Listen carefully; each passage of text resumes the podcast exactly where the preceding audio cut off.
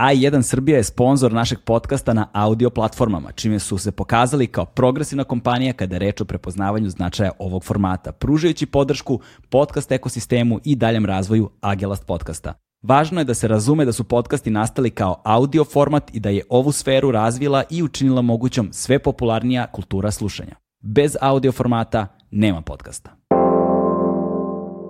Legend Worldwide je domaći modni brend prepoznatljiv po džinsu i stilu, fokusiranom na stvaranje smirenog dizajna sa prizvukom modernog nasuprot bezuslovnom praćenju modnih trendova.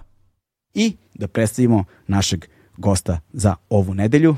Ovog puta veliko mi je zadovoljstvo posle meseci dogovaranja da sedim sa čovekom koji pretpostavljam ono, ima veoma jedinstven život, a, iako dolazi sa ob, ovih podneblja, on je neko ko živi severnije od Deda Mraza.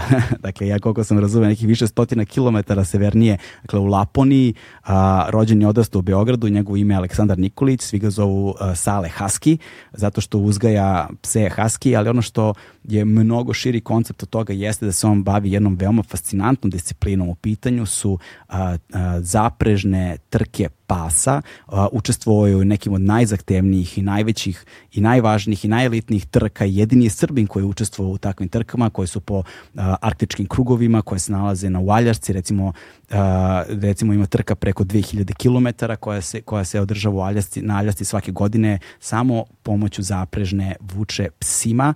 A, kako izgleda život a, gde neko iz Beograda uspeva da napravi sebi tako nešto, da osnuje porodicu i da posjeti celokupan život tome ko su odricanja, koji je put, E, na koji način se dolazi do informacija u vreme kada takvih informacija nije bilo i u zemlju u ne postoji tradicija niti nasledstvo bavljenja ovakvim sportovima.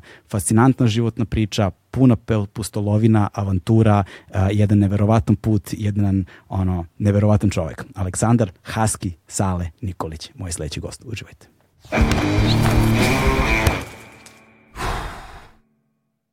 Hmm.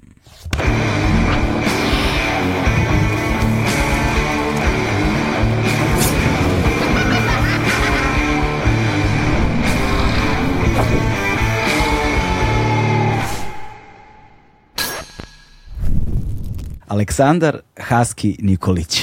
Ili, tako? ili samo Sale Haski. Sale Haski, da, za prijatelje. Da, koliko, koliko dugo imaš taj nadimak?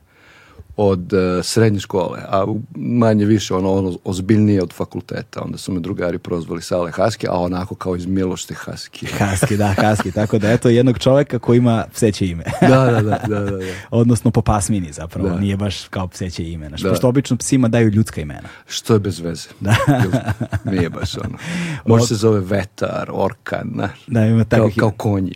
da, ka, koliko pasa ti imaš? Ja imam sada, u stvari moja supruga, ja imamo naša porodica, mi imamo naših 16 pasa, ali to je samo deo pasa s kojima se mi bavimo. Mi živimo u Finskoj i imamo, a, brinemo kanal od 100 pasa. Da, stotinu pasa. Da, to su sve haski. To da. su sve, uglavnom 99,9% su aljeski haski. Mhm. To su sportske životinje, zaista radni psi. Uh, A imamo naravno, pošto smo veliki ljubitelji haskije, pa imamo naravno i svoje sibirske haskije. Da, da, da. koja je razlika između sibirskog haskija i uh, e, aljaskog haskija? Znaš kako zamisliš, sibirski haskij ti je kao ona lepotica na modnoj pisti. Mm -hmm. Neka prelepa manekenka ili Miss Univerzuma iz da, da. Venecuele ili šta već. Znaš. A ovaj, s druge strane imaš neku ketenzit, ne, bila je jedna poznata atletičarka, zaboravio sam je ime, a, ove ovaj sa dugim noktima, a, lakiranim. Za, za, sad ću ti reći Florence Griffith Joyner. Joyner, tako, tako je. je. E sad zamisli nju, e ona Flow je... Flow Joe, po legendarna, je, da. Tako je, e o, to ti je sada priča o ovih drugih pasa. Oni su građeni tako da su sposobni da a, trče velike distance, ovaj, stvarno dosta brzo, jako brzo, a da se pritom jako malo odmaraju. Evo, primjera radi pobednički timovi najveće trke na svetu od 2000 km Edita Roda, oni to pređu za 8, i kus, 8 dana i kusur sati, jel?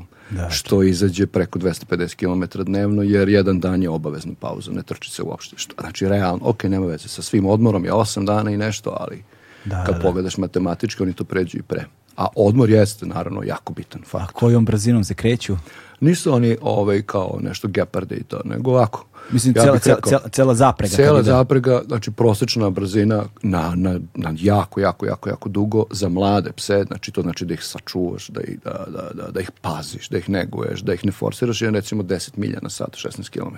Da, da, A da. u kontinuitetu, konstantno što znači i uzbrdo i nizbrdo to prosek. 16 km na sat je dobar pace, je. To, to je, je, ono, to je, to je čoveče, 4 je, minut, ne, ne, 4 minuta kilometar, malo jače. Ja. Malo jače. A to je, to je, to je apsolutno ono, znači apsolutni neki minimum standarda, normalno. Mm. A s, naravno da su ovaj, ozbiljni timovi koji nisu sad mladi psi, nego onako u punoj formi i, i životno ono, stasali od šta ja znam, možda 4, 5 pa do 8 godina starosti i ako ti skockaš takvu ekipu da si ono, da su to va, neverovatno talentovani ovaj, mm. atlete, jel? I ideš na neku pobedu na tim velikim trkama, a e, onda to ide 18, 20, 24 km na sat, a opet kažem, da. u kontinuitetu, onako baš. E, ovaj, svega ćemo se toga dotaći, pričat ćemo o pojedinostima, o svemu ovome. A, veruj mi, ovakvi formati koje radimo su kao stvoreni za ljudi, ljude poput tebe ovaj, kada imamo te avanturističke priče, eh, ljudi koji su odabrali zaista neobičan životni put, posebno sa ovih prostora, znači jer ovakve priče koje ti pričaš najčešće slušamo na engleskom jeziku. Da.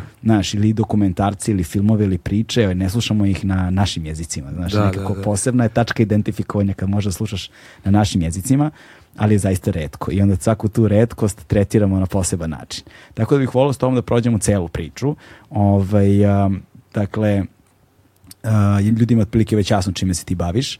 Uh, ti si davnih dana, kad si otišao u Finsku? Na sever, ti si zapravo u Laponiji, na severu skroz, je li tako? Da, to je sam sever Finske. Ovaj... To je polarni krug. Da, mi smo, mi smo baš onako duboko u polarnom krugu, mi smo nekih skoro 400, ja mislim možda i više, 400 km e, severno od jel, granice wow. polarnog kruga. Mi imamo pravu arktičku klimu, živimo u takvoj sredini gde su nam zime jako duge, ovaj, leta kratka, ali intenzivna naravno, ovaj, mnogo sunčanih ovaj, momenta preko leta, ali nemamo noć. Da. A zato zimi nemamo dan. Da, da, da ovaj, da, da. Od tamo negde decembar, januar su nam najmračniji ovaj meseci u godini. A otišao sam tamo da živim pre pet godina. Prvi put sam boravio u Finskoj pre recimo šest godina, mm -hmm. ako me dobro sećanje vara. Da. A živimo tamo, cela porodica, 25 godina, ja mislim, i malo preko. To se supruga, ti i troje dece? Supruga, ja i troje dece, imamo tri I, še, i 18, 16 pasa? Da. da I još, smo... još nekih 74, ko 84 da. dodatih? Da. Haos. O kojima mi brinemo tamo, da. K koliko komšije, mislim, koliko je mesto u kojem živite? Mi, uh, naše kute su u kanalu koji je izvan svih naselja. Sasvim mm. logično, ovaj, ako neko želi da ima veći broj pasa, potpuno je jasno da treba da živiš negde gde nemaš baš prvo komšiju, da mu psi smetaju, laju i šta ja znam. Jer nema potrebe da u životu budeš u toj situaciji, jel? Mm. To nije baš ovaj... Koliko vam je onda daleko pamet. prvi komšija? Pa nemamo.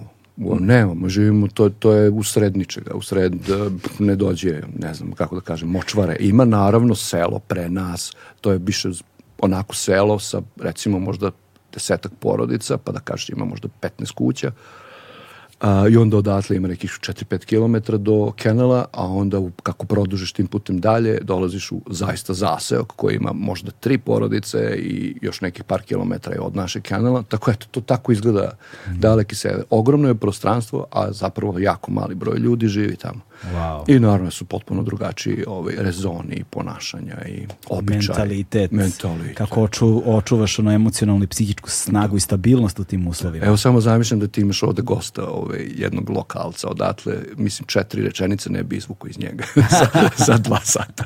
znači to su toliko ovaj, jednostavno zatvoreni ljudi, znači nepričljivi. Da. Ovaj, mi dosta pričamo kao jel, s ovih podneblja i naravno to njima čak nekad ovaj, baš onako čudno. I sme, možda im i smeta? mi, mi, ja nisam sad baš video da im, jedno sam samo video da sam nekome objasnio, pitao me gde taj, taj, kako da dođem tamo i tamo. Ja sam mu objasnio, ideš tamo, skreneš desno, pa levo, ako nije tu, pitaj. I on me gledao kao čoveče, koliko ti pričaš. Rekao, okej. Okay. Nevjerojatno, znači nema puno podcasta tamo, pretpostavljam. ne, ne, možda ima, znači nisam ovaj, ali to obzirom da je zima i da je ovaj, dosta to depresivno, naravno, ljudima koji nisu aktivni ovaj, zimi i nisu outdoor, ono ljudi koji su na polju i koji se mm. bave tim aktivnostima napolje, a, ti naravno ako si samo zatvoren u kući, ovaj, stvarno to može da ti bude opterećenje psihički. Mm, dobro. E, i ti si se pored toga što si ceo život definitivno posvetio uh, odgajivanju pasa i to posebno vrste pasa, haskija, ovaj, cela tvoja porodica koja je fokusirana na to i što ste napravili taj dodatni korak odlaska u Finsku, jel te, da živite tamo, da potpuno život posvetite tome, ovaj, kako ti kažeš za da tvoju decu, ovaj, one su došle u moj život, ne ja u njihov. Da, da, Tako da oni se sad uče isto tome, pri, da. to će da bude posebna tema, sve ta, sva ta odricanja koja su neophodna. Ovaj, pre toga ste živjeli na Fruškoj gori, jel tako? Tamo Jasno. ste, prvo ste se tamo izoli, dakle svi ti koraci imaju svoje stepene, ali između ostalog, samo u uvodnom delu, čisto da ljudima bude jasna slika s kime imamo posla ovde, Uh, nosiš i majicu a, jedne vrlo zanimljive trke a, Idi Tarod a, koja ne znam koliko su ljudi čuli za nju, ali koji si ti učestvovao i mislim da si jedini Srbin koji je učestvovao to, tako? Da, da, da, pa to stvarno jako malo ljudi iz Evrope generalno ovaj, je učestvovalo u toj trci, tu trku je Šta je ta trka za, prvo reci? To je, to je najduža trka u trkama zaprega pasa. Trkama, trke zaprega pasa ili sledog sport na engleskom jeziku su jedno specifično takmičenje. Ima svoju istoriju koja nije nešto sada ovaj, a, više hiljadu godišnja, nego je stara, ne znam, 150 godina, jer nekad davno to su ljudi koji voze zaprege pasa, voze i uglavnom su to 90% slučajeva su ovaj, neke vrste haskije i ljudi su želeli da se ustanove koji ima najbržu zapregu, koji ima najbolju zapregu, jel? Verovatno je to bio povod za kreiranje prve trke 1000, početkom 1900. godine na Aljasci, a naravno sve ovo vezano za, za zaprege pasa, za generalno haskije. Iako rasa nosi jedna, rasa nosi ime sibirski haski, druga rasa nosi ime aljanski haski, a sve zajedno je to poteklo zapravo ovaj, sve saljaske. Mm -hmm. I sport i ovo što je danas modern pristup, tako i ta trka odaje počas nekoj istoriji i tradiciji aljaske, ta iditarov trka, jer je to zapravo jedna istorijska trasa kojom su se kretali ljudi koji su naravno bili u potrazi za boljom srećom i boljom da. sudbinom. Da. Često nisu je našli ovaj, i išli jel, da traže, ovaj, da kopaju zlato, pogotovo u vreme zlatne groznice mm -hmm. krajem 1800-ih i početnog 1900-ih godina. I ta trka je dugačka 2000 km, to je ultramaratonska, najduža trka na svetu, zaprega ovaj, Haskija, zaprega pasa i ja pošto volim baš ove te maratonske trke, nisam baš preterano ovaj, zaljubljen u ove kratke sprint trke koje traju par minuta, pun gas, to mi nije, ovaj, ne, ne pruža mi ogromno zadovoljstvo. A, i, a, ovo mi je mnogo lepše gde se psima moraš da budeš na polju mnogo dugo vremena i ta, ta trka je teško da se učestvuje, mnogo je skupo, mnogo je organizacijalno komplikovana, pogotovo ako pokušaš da dovedeš svoje pse iz Evrope tamo, mnogo je, mnogo je skupo, jako je teško. I stvarno je to ogromno odricanje. Naravno, sad ljudi tu prave sponzorstva, traže ovaj podršku svojih država, svojih firmi, svojih prijatelja mm. i familije i tako dalje. To je mnogo komplikovano da jedan čovjek sam ostvari. Ja sam to drugačije uradio. Ja sam bio kod nekoga, a, da kažeš šegrt, da bi, a taj neko je četvorostruki šampion te trke, jedan od najvećih živih legendi mog sporta, je Doug Swingley je njegovo ime on je a, a, a, stada živo i sad živi u Montani, ove, jedno malo planinsko mesto ove, na tim Rocky Mountain a, planinama, stanovitim planinama, to je meni najlepša, ove, najlepša priroda na svetu. To nigde više nisam sreo i video a, grizli domaće životinje i tako. A, I i ove, ovaj, ove divlje mačke. Da, da, da. A, Snežni le, leopard. Oni su, oni su donesli negde drugde, nego ovo su ove pume, Aha, ove ogromne, pume, da, da, ali da, su, da, vidu muže kad idem ispred auta, ja vozim noću. I on wow. ispred auta i uopšte mu ne pada na se pomeri. Uopšte, znači ne ferma 2% što ti voziš ogroman taj pick-up znači, kamion. Ne, ukaljeno ljudskom, ljudskim ponašanjem. Ma da, ma da, nešto. Život, drugačije bi se ponašala životinja. Ma, ti da. si, tu si ti ulje. Znači. Da, da, da, da, da ti si da. kod njeg došao. pa će da gledaš šta će to tom da radi. Ovo, ovaj, tako se ponašaj. A, a stvarno, to je, tu sam prvo dve godine, takav je dogovor, da ove, ovaj, sam dve godine kod njega pripremao bukvalno štence koji mm. su rođeni u godini mog dolaska, par meseci pre nego što sam ja došao i to je bila gomila štenaca, to se tako radi. Ja sam imao na raspolaganju 50 ove, ovaj, štenaca i od tih štenaca treba da se polako napravi selekcija dok da bismo došli na kraju do jedne zaprege od 16 pasa koja ide na trku, a za to ti treba još par rezervnih pasa, pa par učitelja pasa i tako. Tako da je to mm. bio skupo. Ver, verovatno i posebna vrsta treninga, ishrane. O, da i da, sve, da, da, da. ali da. doćemo do toga. Tako da, a, da bismo shvatili kako si ti uopšte došao u, tu, te životne okolnosti, a to je dug put pun odricanja, hajde da počnemo zapravo priču i samo, od samog početka. Ti si zapravo ovde iz Beograda, rođen si ovde, odrastao si ovde a, i u kom trenutku si se, kada si prvi put otkrio fascinaciju uh, uh, psima, preva, prevashodno haskima, no? to je bio neki tamo beli očnjak ili tako nešto. Da, Jack naravno, London neki. Pa naravno, da. da, da, da, pa tako kreće se. Ovaj, dosta ljudi je ovaj, u mojoj poziciji po svetu ovaj, slično ima priču, da su mm. stvarno ovaj, bili fascinirani jel, delima Jack Londona i da im je to jel, otvorilo kako da kažeš, ovaj, neki imalo? prozor. Ja sam bio mlad, ono, imao sam 12 godina, jako sam puno volao da čitam knjige. Mm. Ovaj, to mi od od Taje. Ovaj, ostalo on je volao knjige puno i stripove i tako. I onda smo ovaj, ono do sada preko leta kad nemaš ove, ovaj, mnogo drugare su svi negde otputovali, a ono ne poklapaš se i tako, pa sam ono volao čitam knjige, ove, ovaj, bio sam stvarno 12 godina, znam jer sam nešto zapisivo pa sam stavljao datume pa mi to ostalo kao uspomena posle. Ali sam volao životinje i pre toga, bio sam fasciniran i mačkama, ispred zgrade, ja sam rođen i odrastao na Novom Beogradu, ove, ovaj, deo grada koji je ono kao geto fazon. Mm. Ovaj, sad, a, a, kad pričaš danas ono, ovaj, ljudima negde u nekom svetu, ono, pa kažem, naš, morao sam se tučem da idem u školu, morao se tučem da se vratim iz škola, ono, te ljudi gledaju kao, pa vi stvarno niste, ono, a da. nama to bilo, i, sim, i dan danas mi je to potpuno normalno i, da, da. i da. bilo je nekako dečački, ono, pristojno, nije bilo ništa loše i ružno i, ovaj, lepo detinstvo, ali sam volao životinje, stvarno. Volao sam životinje i bio sam, ovaj, od malih nogu zainteresovan i privlačilo mi. Volao sam taj posao sa životinjama, ono šta čovjek radi sa njima, kako se čovjek druži sa životinjama. Konji su mi bili prva ljubav, naravno. Mm -hmm. Ove, jahanje konje za mene bilo nešto spektakularno i kao klinac sam odlazio u konjački klub milicionar. Aha. I tamo sam, ove, sve dok moji roditelji nisu videli kolike konji ja u stvari. Gde je konjački klub milicionar? To pa tamo na Adi negdje? Da, on je tada bio možda i danas, kod 11. aprila. Aha, 11. april, tamo okay, na Novom Beogradu. Da, da, da, da. da, da. da, da. I ovaj, moji roditelji su onda videli šta je, ovo, ovaj, recimo, Kadilak ono tu jedini ovaj engleski punokrvni pastuf odgrizo rame čoveku koji mu je čistio, Ujeb. pa ne znam, Enver se propeo svog jahača od posla invalidska kolica i tako i onda su oni to uvideli i onda su misteriozno moje dokumenta nestala ovaj, za pohađanje tih časova i tako. Aha. Jer ja nisam imao straha ovaj, nikakvog. Ovaj, u odnosu prema životinjama ništa, generalno. Da, nula. I prilazio sam životinjama Znači, naj, naj, apsolutno čisto, potpuno, iskreno srce. Znači, ništa, ni trunke ovaj, nekog opreza. Mm. Nimalo. Ali sam poštovao ovaj, veličinu, snagu i tako dalje. Mhm. I životinje su me tako prihvatile kao klinca i, i zaista me nijedna životinja nije povredila. Nikad me ništa ono nije jurilo, napalo i tako dalje. Mhm. Ovaj, što je super. Kad, jel, voliš to ovaj, i dalje, ako imaš takav pristup ovaj, prema životinjama, uglavnom ti se neće ništa desiti. Da, čudno je, zato što često imamo te neke naučene navike, naučene strahove, iracionalne vrlo često, koji se odražavaju u odnosu prema životinjama. Naš, prvo, uglavnom je to prema domaćim životinjama sa kojima prvo imamo susreta. Aj, mislim, ja sećam ko klinac, ja sam baš ono najgora vrsta gradskog deteta. Nisam vidio selo, da fazom te svoje ne znam koje godine života, 20 i neke i onda, znaš, ono, plašio kad sam prvi put video kozu, nisam znao šta da radim. Znaš, pa, znaš tako da, svakako. to je za mene bilo kao neko traumatično iskustvo, ali naravno, danas stvari stoje sasvim drugačije. Pa i krava je ogromna kad je vidiš, da, znaš, da, kao, da. kao, kao, ajde čekaj, stani, kako ti sada priđeš na životinju koju ne poznaš, ne znaš ništa, onako, spusti glavu dole, pojurite, mm. nije, stvarno nije dobro.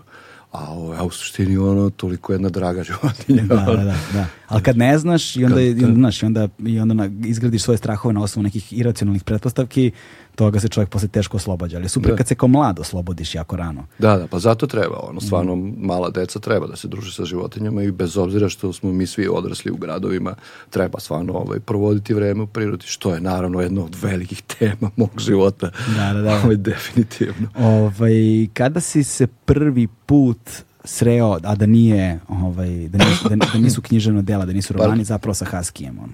Pa, Jel pamtiš trenutak kad si se zaljubio Haskija? Svakako. Ovaj, mi smo rođeni u državi koja se zvala SFRJ. Da. Ovaj, stara Jugoslavija i mi smo, to je bila velika država, a, a imala je nula. Haskija kad sam ja ovaj, saznao za tu rasu. I meni je naravno bilo jako fascinantno kako čovek uopšte može da komunicira sa životinja, sa psima na taj način. Uh, da ti psi njega vuku gde čovek poželi, kako čovek poželi, kojom brzinom i kojim tempom i tako dalje, pa da skrenu ili levo ili desno. To je za mene bilo neverovatno, a pritom je sve okolo njih jedna brutalna hladnoća i veoma opasno ovaj, podneblje. I to me je zaista ono potpuno, potpuno fascinirao. Kad sam vidio kako izgledaju ti psi koji su zaista vukoliki, ovaj, to je ono bilo, to je to. Znači, to je apro, ono najlepši pas na svetu i ovo je meni najbolja priča jer, jer sam volao taj odnos čovek i životinja nešto rade zajedno, negde idu nešto, mm. neko sluša nekoga, pa su A, zajedno ekipa, da. da. A1 je prvi prijatelj audio izdanja Agelast podcasta. Ovo, I onda sam čekao dosta jer je ono, znači se kad sam prvu fotografiju, do, neko mi je to doneo od nekle, ovaj, u nekom magazinu je neko objavio fotografiju tri haskija na nekoj kućici stoja. To mi je bilo na, najveća vrednost koju sam posjedovao ono, u mm. tom trenutku. Ja sam bio, na zidu ti stajalo? Ne, ne, u, u novčaniku. u novčaniku, da, da. da. Ovaj, ali to je stvarno bilo tako. E onda doš, do otprilike negde možda moje ovaj, 18. godine, kada je sada već, to već sada polako dolazimo do 90 a, počinju problemi. To je staro Jugoslavije i u tada sam ja ono prvi put sreo i video svojim očima. Ovaj, gospodin Danko Jovanović koji živi nedaleko odavde mm. je taj prvi čovjek iz Beograda ovaj, koji ima svoje haskije ovaj, Papi, Papi i Lady su se zvali i on je bio specifičan, on je svoje pse šetao bez povoca, bez ogrlice, bez ničega i oni su stvarno izgledali kao dva pripitomljena vuka koje šetaju sa čovekom i dosta su bili opasni za druge pse i on ima dosta istog toga problema i tako.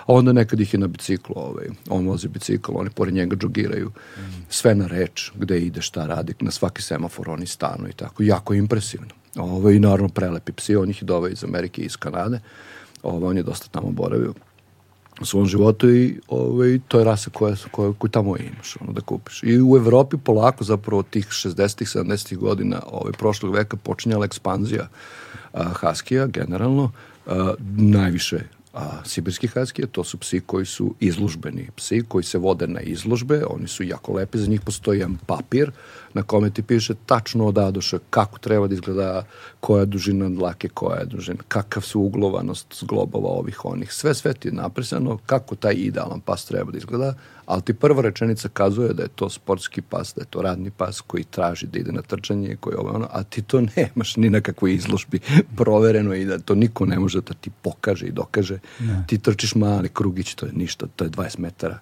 Ne možeš da vidiš ti ništa od toga kako taj pas stvarno trči u zaprezi, jel? Mm -hmm. Ako ga ti sam ne probaš. Tako da mene to onda u startu sam se tu nešto razočarao, kao, i išao sam kroz fakultet, pošto sam upisao veterinu, naravno. Na samo sekunda, a se sjećaš svog prvog kontakta, si ti bio u kontaktu sa, sa psima tog čovjeka? Kako se uh, pa, samo sam ih vidio iz daleka, praktično iz autobusa, ono, to je bio prvi put vizualno što sam vidio i posle toga je bila priča da a, se polako pojavljuju, ali ti to ne možeš da vidiš, to je jako redko i na nekom oglasu sam pronašao da ovi neki ljudi na Banovom brdu prodaju od ove ovaj, ženke, velike ženke haske, krupna ženka haske, da prodaju ove ovaj, štence, da imaju leglo i ja sam se nešto ono praktično javio roditeljima, idem da vidim štence, nikad u da što, oni su medeni. Da. Pa idem da vidim štence kako oni izgledaju i, ovo, ovaj, i oni mi sa vrata kao, ma znamo mi tvoje priče, ono, ideš ti samo da vidiš, nego ako već ideš samo da vidiš, ajde taj što ga budeš video, nek ima plave oči i tako kao, ja da. rekao, da. molim, isto mene stvarno, Ove, ovaj, I onda sam tim ljudima kad sam odabrao tog koji se meni najviše dopao, on je totalni ono bio ludak. Ove, ovaj, nemoguć bio za te ljudi. Oni su toliko odahnuli da su hteli sve da urade samo da ja njega tog sekunda uzmem i odnesem. Da, da, da, Ali ljudi, ja nisam ponuo ni pare. Nikakav nije problem za pare, dogovorit ćemo se, lako ćemo za pare, ali ja, ne, ali ja nemam ni ličnu kartu i vi ne znate ni gde ja živim. Ma kakva lična karta, sve mi tebi verujemo, ti si gotivac, evo tebi samo, ali ja nemam ni auto, mi ćemo te vozimo.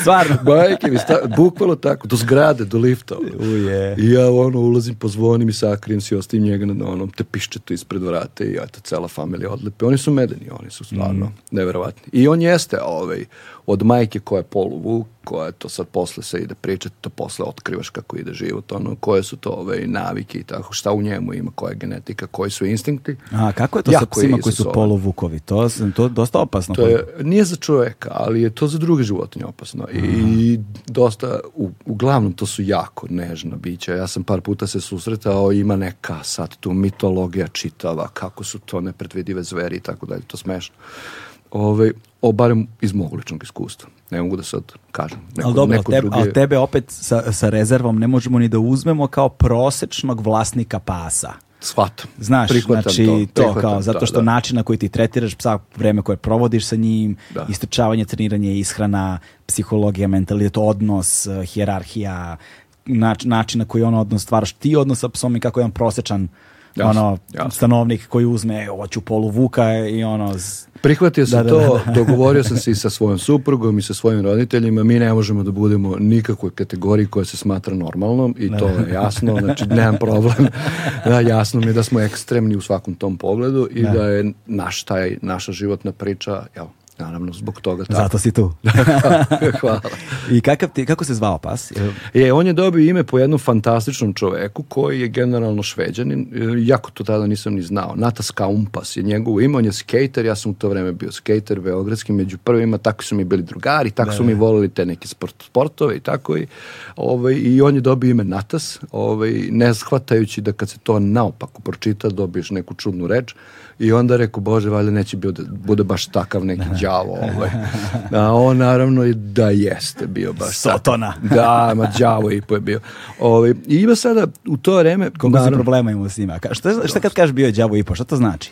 Pa bio je, znaš, evo gle, ima u tada sam upisao, to je sada već 90. godina, 91. 91. Upisao sam veterinu. Mm. Ja, naravno, voliš naravno. životinje, voliš to, to, takav ti je ono životno neko opredeljenje, pa gde ćeš drugde nego tamo, naravno. Ono, yes. hoću da naučim, ali sam stvarno upisao sa željom da naučim. Mm. Ne da bi bio veterinar i da radim kao veterinar, ovaj, kao svi moje kolege koje obožavam, nego da jednostavno mene je zanimalo gde je to znanje koje mene kopka i koje mene ovaj, inspiriše i šta mene to vuče nekako. I ovo, zbog toga sam hteo da bi naučio ovaj, nekoliko samo zbog posla veterinarskog. Mm. I Tamo je postala i kinološka sekcija koju je fantastično vodio jedan dragi kolega Aleksandar Vasa, to bi ti bio fantastičan sagovornik, ovaj, poslije ćemo pričamo o tome, oduševit ćeš se. Ovaj, I a, a, bilo je dosta ljudi koji su naši najpoznatiji kinolozi, zaista ono, i od vojske, i od policije, i od veterine, i od nauke, od svega. Toliko toga sam pametnog čuo i naučio i baš sam imao zaista i sreću i čast. Ove, I jednom sam pronašao nešto što se zove kao mali test urađen od strane par veterinara koji su fokusirali svoje ovaj, životne ovaj, pozive na psihologiju. Zanimalo ih je kako može sada, da li ima nešto što je psihologija pas, kako ti to možeš da nešto naučiš, otkriješ, da li može u ranom uzrastu i tako dalje. I oni su napravili nešto, ako se dobro sada varam, Campbellov test, a možda sam potpuno pogrešio, mnogo je davno bilo. ovaj, što u mojoj porici mi kažemo, mnogo je kilometara od tad prošlo, da, ovaj, da. A, da. ne, a ne dana. A, e, a, e, I Uh, tu imaš par vežbica sa psom, staviš ga na leđe, staviš mu ruku preko grudi, ako on tebe grize, ono, u tu jezivom strahu, onda je on to i to, A, B, C, D, i onda ostaviš ga negde, kad je jako malecak, staviš ga na pod, odmakneš se 5 metara, da li te prati, da li ga zoveš, da li te on sam prati, kad prati, da li dođe sedne, da li te gleda, da tako par smešnih stvari koje svako sa svojom kucom može da uradi i zato jeste jako interesantan test i na kraju dobiješ karaktere. Kad sve uradiš imaš karakter, ovaj, na primjer, potčinjen pas, imaš karakter, na primjer, agresivan pas, imaš karakter, na primjer, inteligentan pas koji stalno obraća pažnju, želi da pomogne, bla, bla, a je i zadnji od svih tih je, ako ste dobili ovo rešenje, molimo vas, uradite test još nekoliko puta da biste bili 100% sigurni da je vaš pas nepredvidivog karaktera da, I da, ti da, sad da. to pročitaš, šta ti sad znači nepredvidiv karakter. To je ovako, stojimo na ulici, na bulevaru, ima devet traka ili šest traka ili nebitno, bez povaca, bez ogalice, on stoji pored mog kolena, mačka prošeta sa druge strane bulevara. 99 puta će ostati, stoti put će potržati i poginuti. Da, da, da. Moj zadatak je da znam kad je stoti put. Mm -hmm. Jer to je tvoj nepredvidiv pas. E, tako je on mene učio. Eto, to je bio moj prvi pas. On je, zato je bio đavo. Što me terao, stimulisao, a, ko, a konfrontacija mentalna, to je neverovatno bilo prve dve godine. Mm. On je bio boss, on je dominacija, totalna, nevjerovatno dominantan pas. Nisam ni ja, ono, mala maca, naravno, u svom privatnom životu. Da, da. Može se reći da sam možda i ja dominantna ličnost. Da, da, Ali ove, ovaj, se, bila je borba ljuta, uh, mentalna, naravno, borba, uh, ko će da nadlada. Naravno, te bi izazovi da jednog trenutka sam rekao sebi, ako ti od ovog sada napraviš to što hoćeš, imaš apsolutno sve razloge ovog sveta da se baviš ovim. Ako ne, super cool. Ima nešto drugo u životu. Ja, da, i? i, i? on je postao najbolji pas lider ikada svih vremena. Ikad, ikad najbolji pas koga sam ikada vidio. A video sam, radio sam, živo sam sa skoro 5000 pasa. Sa skoro, skoro 5000 pasa i prvi je ostao. Prvi je ostao top. To je naravno prva ljubav zaborava, nema i ta priča, to je meni potpuno jasno, ima puno tu ličnog, puno tu... Subjektivnog. Ovaj, subjektivnog i ali ono što sam s njim mogu da uradim, to nikad nisam. O, on je čitno moje misli, on je znao šta hoću mm. skoči gore desno sa obične staze, dva metra ovaj, preko prtine snega, popne gore, izvuci i mene četvoro pasa i sanke. To je jedan pas, on je bio krupan i jak, to, ali to je ipak nevjerovatno. Čekaj, izvlačio i tebe i četiri psa četiri, i sanke. I sanke i sve to na dva metra ovaj, gore, ovaj, wow. ali sa nivoa zemlje pa dva metra. Koliko dugo si ga imao? On je živio 13 i po godina i onda na kraju se razbolao, nešto imao taj bovidi kao da znači propadala mu kičma mm. i nervi i toga je mučilo, nije nešto se mnogo namučio i na kraju Difford umro. Mm -hmm. da. Ove, ovaj, i, dakle, to ti je bio prvi pas tamo kada si pisao veterinu. Veterinu si završio, pretpostavljam. A, stigao sam do kraja. Da. Nisam je nikada diplomirao, jer ove, ovaj, sam imao mm. situaciju u životu da, da vremena imam sve manje. A da, da. A da je život mnogo A, mnogo toga bih želeo, a nemam mnogo vremena i ovaj, morao sam da donesem neke odluke i jedna od odluke je bila da ovaj, moram da se mnogo više fokusiram na ovaj, svoj sport i ono što želim da radim sa Haskima konkretno, a da naravno, nažalost, moja, ovaj, moje studije tu moraju da e sad, dakle, stradaju. Dakle, ti si se u, u te trke zaprežne sa psima ovaj, zaljubio je rano? Da, Kad si prvi put saznao na koji način? Pa tada kad sam počeo ovaj, da, da, se, da se bavim istraživanjem, mene naravno, ja volim istoriju generalno, onda me naravno jako fasciniralo i zanimalo me od, odakle ovi psi uopšte, ovaj, pos, dakle postoji takva rasa i tako. Onda sam dosta čitao o tom i tu naravno, ovaj, prva knjiga, sećam se, to je bilo ludilo, moja baka to meni iz uh, Švajcarske na nemačkom jeziku, pa je ona žena to meni prevodila, pa sam wow. ja to pisao, pa sve ručno, pa slike, pa ispod slika guro gde su tekstovi. Pa, Čuvaš to što si prepisivao? Pa naravno, pa naravno, sve, sve. A sad koliko sam u životu prolazi svugde živao, sad onom, teško mi baš odmah da se setim gde je sve to, ali kod roditelja ili ovamo ili ona. Da, da, da. Ali znam da to nisam bacao. A, a da eto ta prva knjiga, pa ti tu piš, pričaju ljudi ovaj, jel, kako se psi uprežu, gde šta, kako. Jer ja sam ko klinac samo maštao o tome. Mm -hmm. Ja kad sam bio mali, Zato znam to zbog tih datuma. Ja sam pisao svoju knjigu kao kako ću ja da vozim haskije kad sam imao 12 godina. Kako ću ja da sada upregnem tog prvog, pa kako ovog drugog, pa to je sad sve u formi romana, dečija mašta i tako. I onda sam mi bilo mi strašno kako ti učiš tog lidera da on skrene levo kad ti kažeš levo, da skrene desno kad kažeš desno. To mi je bilo nevjerojatna fascinacija. I naravno onda to mi je pomoglo kad sam bio mali, ja sam već imao u glavi ono tačno sva, pa, sva pitanja složena. Wow. I kad sam dobio da. tu knjigu posle sa 18 godina, onda sam čitao o tome. Kako pa se zove knjiga? A, na nemačkom, ono, Die Schlittenhunde, pa ne znam šta sad, razumeš, ono. Hunde je pas, verovatno. Da, Schlittenhunde, to je psi sauničari, ono, aha, aha. zaprežni psi, ja. Ovaj, I e, onda sam posle toga, ne, sledeća knjiga je o istoriji o sibirskim haskima, pa sledeća knjiga, pa sledeća knjiga i onda sam ja sad krenuo da pravim tu svoju malu biblioteku. Koja je istorija zapravo sibirskog haskija ili haskija? Pa je on, znaš to je jako, ovaj, to je jako intrigantno, to je jako zanimljivo. Znaš, to je njih odgajalo a, generalno a, te haskije zaprežne pse, jel? I ov, znači i haskije i sve druge zaprežne pse, odgajalo je svega mal, par nekih naroda ovaj, na ovom svetu. Ovaj, e, jedan od tih naroda su Čukči, koji žive i dan danas na severistoku Sibira. Tu baš ovaj, naspram Aljaske. Hmm. Taj deo. Anadir se zove, na primjer, pa Čukotka, pa iznad gore. Ove, ovaj, i, on, I oni su podeljeni. Ovi južniji imaju Irvase, ovi severniji imaju ove Haskije. Se ih obilazio? Nisam nikada, a, moj prijatelj je bio. Mm. I sad, Znate, takav je život i stice okolnosti, igra, ono, je sudbine. ovaj upadno sam Čeha koji je bio tamo sa Rusom, pa su njih dvojica zajedno išli da traže poslednjeg ono originalnog čukči psa koji ne postoji više, koji je izumro. Nažalost, ovaj, naravno ima sad tamo pasa koji žive sa čukčima, ali mi pričamo o pretku sibirskog haskija, od njegovom čukun, čukun dedi. Ovaj, takvih više nema, nažalost pa su probali da nešto tu revitalizuju. A to pa... je zapravo nešto što je najpribližnije Vuku u tom kontekstu. Jeste, ono... oni jesu mešali, da, to jeste priča. Znači, tako, oni su preko ove, ovaj, zime koristili pse za ozbiljan a, rad, a preko leta je to strašno siromašno ovaj, grupa ljudi, strašno siromašno pleme, onda su preko leta njih često puštali da idu nazad u prirodu, da se sami hrane, da love druge životinje, ptice, ribe, šta već nađu, a da ovaj, sa dolaskom zima, koja je izuzetno brutalna, jer nema i drugog izbora nego da se vrate nazad čoveku. Naravno, ne najbolje na najbolje ženke, najbolje muže, ko je najbolji lider, par tih najboljih, oni ostave kod sebe, ovaj, vežu ih i ne da im da idu. I hrani ih tokom celog leta. Da, zato što alfe će da se snađu lako u prirodi. Da, da, ja. Imaće svoj čopor i ja. Da, pa iako se ovi ne vrate, ove najbolje su sačuvali, oni opet mogu, njima samo opstanak u, u, u mm. glavi. Znači, oni opet mogu da uparete najbolje i da obezbede narodnu generaciju za... Na, Znači, samo opstanak. I zapravo su ti ljudi opstali jer su imali te pse. Ti psi wow. su im pomogli da prelaze velike distance da bi pronašli pusto, što je kao bela pustinja.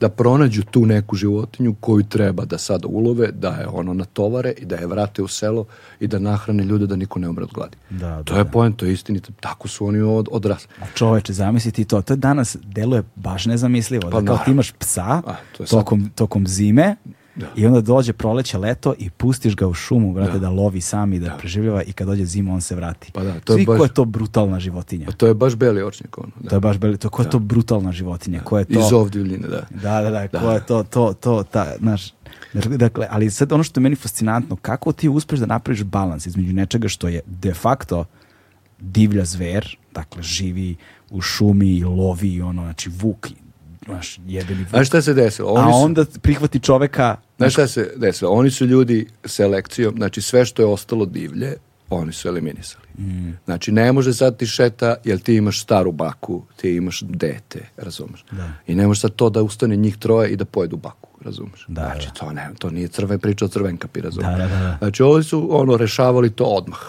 A šta to znači, ja ne znam sad da li mi da pričamo to, ovaj, pošto ipak je od 21. vek zaštita prava, svega. Jasno. Ljudi su jako nežni, veoma politički korektni, da. Ovaj, a u to vreme to je značilo da se ta životinja ubije i da se s tom životinjom nahrane dobri psi. Eto, da, je da, kratka, da, da, znači da, da. nema tu izvini.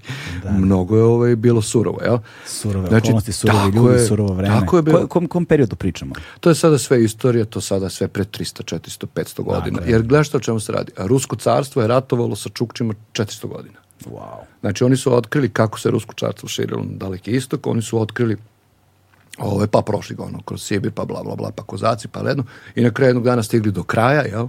Do mm. Čukotke i otkriju da tu postoji pleme tih Čukčija. Oni sa, ono, strelama, ne znam, kost od kita i ne znam, naš, mm. ove, koplja i to sve ovi naoružani, ono, vatrenom municijom, sa kozacima, sa, ono, konjicom i krenu da ih, ove, kasape, znaš. I mm. onda i tako počne taj rat među njih koji straje 400 godina. Oni nikad nisu uspeli da ih sve a, pokore, jer su oni šta radili? Oni spakuju celo selo na zaprege sa Haskijima i pravac na, na led, mm. na zaleđeni severni okean. I oni sa konjima ih samo do nekle prate i posle toga se okrenu i vrate. I niko od njih nije spreman da preživi u tim uslovima. A hroničari su tako sam čitao, govorili da su se vraćali u boljem stanju nego što su bili kad su odlazili. Znači, koliko su bili vični ove, ovaj, preživljavanju u tim hardcore uslovima. Jer zaista ko nije bio ovaj, na samom zaleđenom okeanu, da nema ništa. Kako će ti da, ja, odakle ti vatra se ugreš? A oni imaju foru, oni tope mast, pa u školjku, pa dlaka, pa kremen, pa zapali. I zato je iglu za preživljavanje, jer je mali, nizak i jedna ta školjkica sa uljem od, ne znam, foke i par dlaka od haskija, eto, može da se zapali, izvini. Samo lagano. Ove, ovaj, da gori. Znaš, da, te, kao, da ipak ne umreš. Mm. To je razlog. A pse su isto gurali na, znaš, ono, kad se spava. Jer su, naravno, ti hacki imaju lepo krzno, bogato krzno. Sad polako već prolazi to vreme, već sada, sada je sve ređe i ređe da imaš tako gusto, bogato krzno i kod sibirskog i kod aljaskog haskija. Još ima ljudi na aljasi koji žive na obali, tamo naravno jako duva tamo je jako vetrovito, onda tamo možda vidiš da neke te linije i dalje imaju to kvalitno, nevjerovatno krzno, ono, ko grizli, ono, kada pogledaš. Uje, da, ja. Da. vidiš. A to po gradovima nema, što ovo izgledaju kao da su kratkodlaki. Ono. Pa mm. kako i ne bi vidi, ja, viš kako je toplo. da, i pufnasti onako, da. mekana dlaka, da, fina, znaš, kao svila. Da. da to... A je, pa nije baš dobro da bude toliko nežna jer se onda natopi vodu. A mm. ovo mora da bude vodootporna jer je to prva brana. A onda mora iznutra da bude mnogo jaka da ne bi vetar. Znači mora bude vodootporno krzno, vetrootporno krzno. Mm. Znaš, ali da pas ipak ovaj može da oslobađa. Ne znaju ljudi, na primjer, psi oslobađaju toplotu ovaj višak, jel, kad rade, kad trče. Ovaj, to je često pitanje koje ovaj, pričam o našim gostima, našim turistima, jel sada nam je takav posao. U Finskoj ovaj, onda im objasnimo da psima nije hladno na šapice zato što tamo oslobađaju višak ovaj, toplote na, mm. na šape. Ali ako bi sedali na lancu satima, onda bi bilo zima, onda se sklupču i sakriju šapice. Da, da, da, da, da, jer, jer kad su aktivni onda se greju. Da? Greju se i trče samo malo da, ovaj, da vuku sanke, to je jako, ovaj, ja, to je fizički vel, ono, naporan, ovaj, naporna mhm. aktivnost, a oni su za to neverovatno talentovani, njima to zato su i pravljeni. Da, mnogo im je lako. da. I kažeš, ta vrsta haskija više ne postoji. To je taj neki ovaj, čukči predak ja ga zovem ima Čukči ime? pas. Nema, to, mislim, ja tako ga zovem. On, to je moja, da, Čukči pas, ja ga tako zovem. A postoji danas psi koje ti ljudi imaju, ali oni ne izgledaju tako i oni nemaju više te funkcije. Jer je umeđu vremenu, nakon 400 godina ratovanja sa Ruskim carstvom, a, desio se ovaj Stigo ono, internet.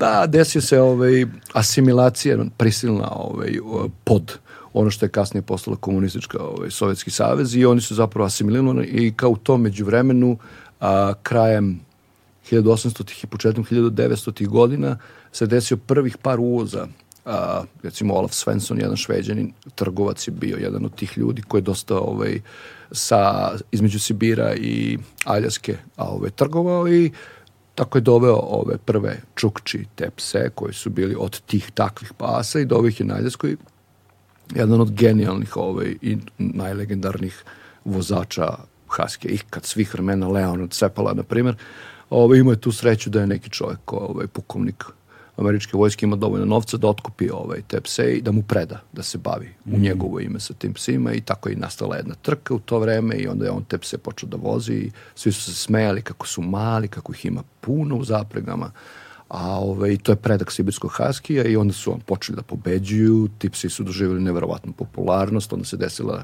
ona čuvena priča 1925. godine u Noumu kada je difterija skoro mogla da pobije sve. Dosta deca je umrlo, to ne znaju, naravno, i staraca, pogotovo indijanaca. Ove, međutim, onda je Leonard se pala sa svojom zapadom i čuvenim psom Togom spasio to selo da ne umre. Dakle, kreće ona sada cela ta neka ekspanzija popularnosti. To je rasa koja ima svoj spomenik u Centralnom parku u Njurku i onda je, naravno, novinarska ono, greška. Odabrali su pogrešnog psa za heroja. Odabrali su Balta koji je vozio samo 40 km, a ovde Togo koji je izgoreo od 14, 13 i 13,5 godine je imao, dao je sve, ono, znači, da spase, jel, sad tu decu. Ovaj, e onda posle se ispravila istorijska nepravda, pa je Togo dobio spomenik, drugi spomenik u centralnom parku i tako.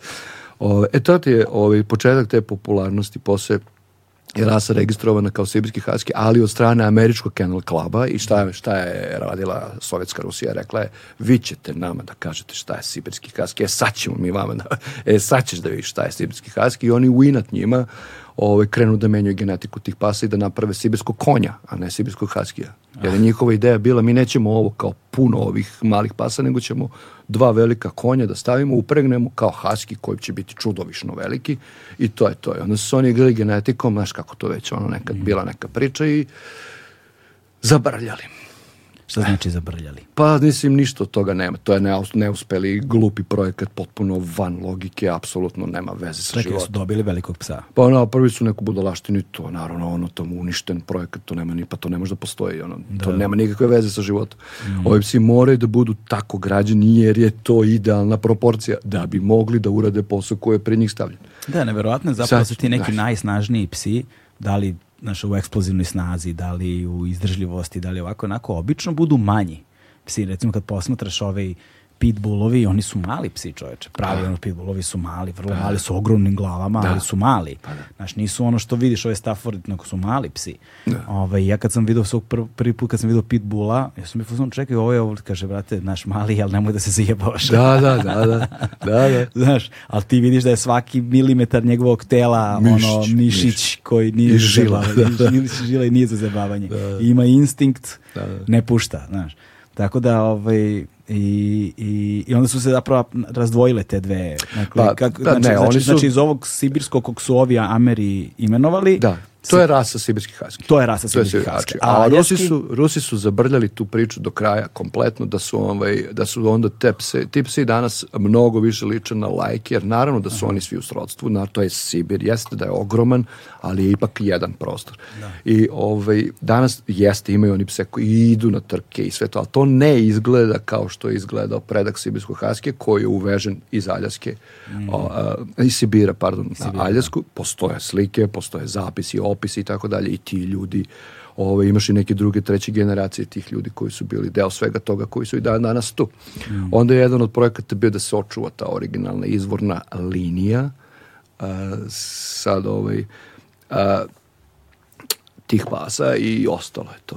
I oni su to kompletno odvojili od rase i ta koja je jedna izvorna linija koja u samo par generacija vuče nazad do tog originalnog čukči psa, pa se zove posebno danas, zove se Sepala sibirski haski, a ovo je običan sibirski husky koji mi svi imamo po ulicama. Ne. Da, a taj koji se, pala, se što se pala? Pa zato što je taj čovjek Leonard se pala. bio. A, Leonard Cepala. Da, on a, je bio ovaj, njihov, na način, njihov vozač. Na, na koji način onda oni se pala Huskija zapravo uspevaju da očuvaju kroz generacije? Pa tako što su gledali da se ne, ne pari ni jedan od tih pasa unazad 50, 60, 70 čak godina, da se ne pari ni jedan zarad nekog potomstva, da se ne pari ni sa jednim psom koji nije blizak mm. toj izvornoj tom uvoznom kontingentu. Ali ih je verovatno sve manje. Kako ne? I onda se sve teže Pa skoro nalaze. su izumrli. Pa zato da. je ovaj moj prijatelj Čeh i ovaj moj prijatelj Rus su otišli na kraj Sibira da nađu. Oni su odabrali par primjeraka koji su iz te priče. To je to. Mm. I onda su osvežili, i to je čuveni projekat Markova, i onda su napravili novu bazu i bacili to nazad. JJ. Odnosno, o, osvežili genetski bazen. Tako je. I da. JJ Breg u Kanadi je ovaj, preuzeo to i revitalizovao i, i sad registrovao rasu kao posebnu ovaj, posebno razvira. Zele sačuvaju taj izvor, ja to poštujem naravno, nemam, mm. ja nemam ništa protiv ni jedne rase. Kako se zove pa- sad taj novo registraveni? A, a, e, oni su a, e, separa, Sepala sibirski haski, ajde da kažemo, da, naj, da, da, na da, srpskom da. ovaj, e, jeziku i ja nemam tu, znači, rasistički gledano, ima raznih ljudi, ima raznih priča, ima raznih politika i neko će da kaže samo je ovaj husky husky ili samo je, ne znam, ovaj pitbull, samo je to pitbull ili šta ja znam, nema veze koja rasa pasa. Ja sam više u fazonu za ono malo širinu. Da, da, da, da. ja volim da svi psi mogu da budu psi, da svi psi imaju šanse da rade, da, znaš, postoje takmičenja u Evropi dosta rasprostranjena koje su veoma rasističke, gde samo može FCI registrovani sibirski haski, aljaski malamut, grenlandski pas, samo je, mogu da učestvuju na tim trkama. Znaš, zašto bi to radio? Da, da, da. E, meni to nema nikakve logike. Pa zašto ova kuca sa ulica ako dobro trči nema šansu? Mm. Znači, ja baš volim ovo. Pa super je što ti voliš neku rasu, tvoju kucu ili ne znam komšenicu, baš me briga. Da. Ali što si, što si uz Jasno, Jasne, jer to ovaj, imaš pretenzije da to bude olimpijski sport. Ne može ništa bude na svetu olimpijski sport jer prva definicija ono ti je da nema nikakve diskriminacije ni verske, ni ove, ni one, ni da, da. polne, ni nikakve, nikakve, nikakve. Ni da bi nik da. po kojoj osnovi. Da da bi nešto moglo da konkuriše da bude.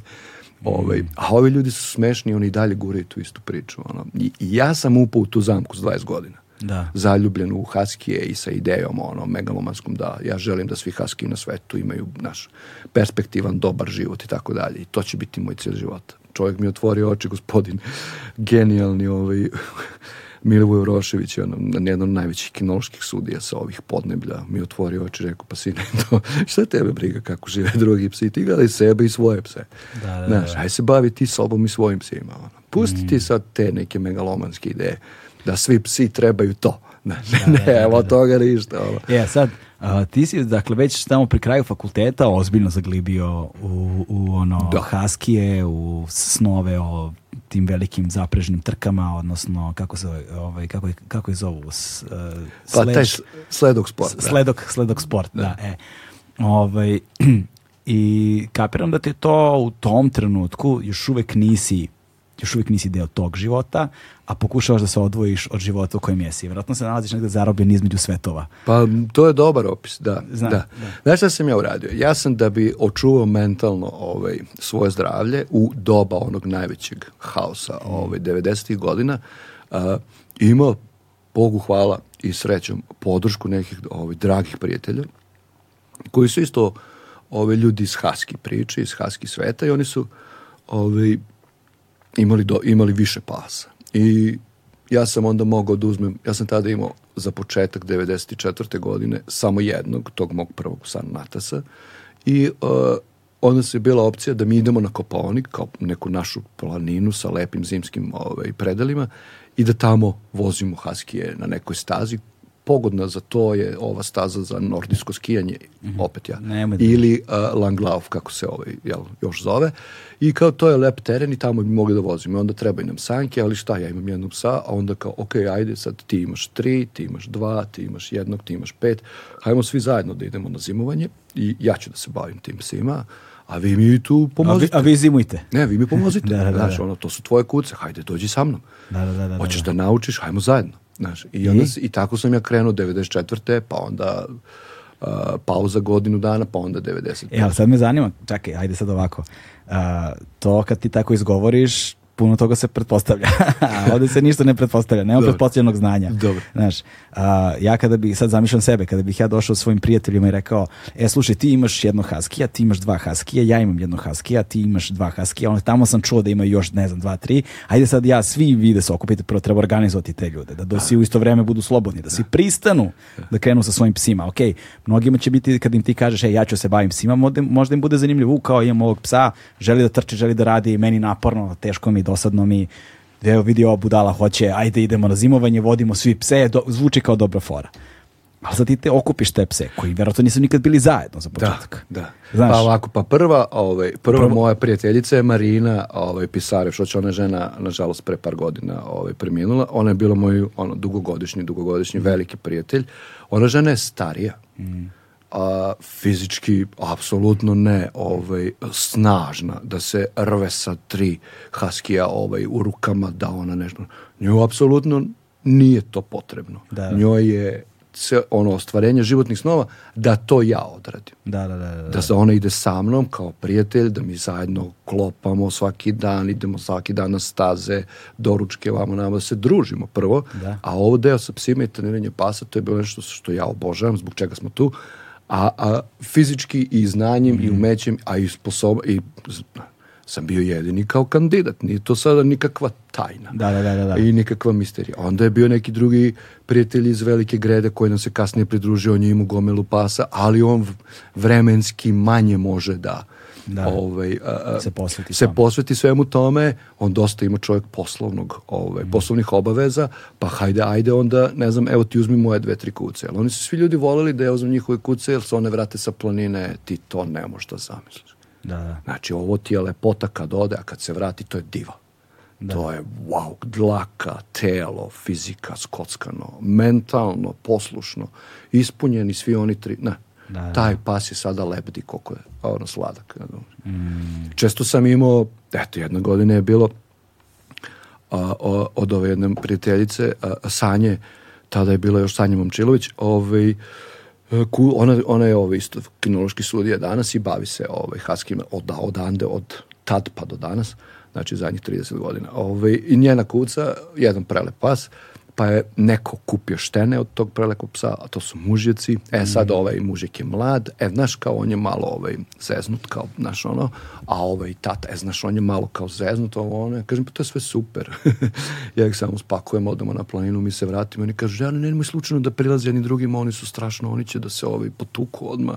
Ja kažem, pa dajte ljudi povodac da vidite kako to izgleda danas. Ono, I uzmemo oba psa u jednu ruku na povodac, oni stave obraz na obraz i ja vičem levo, desno, idemo oko drveća, oni piške zajedno, kake zajedno, vrate se. Kao anđeli. Pa kako to? Pa eto. Jesam ja imao naravno svoju armiju, znaš, nisam ja pao s Marsa, ono.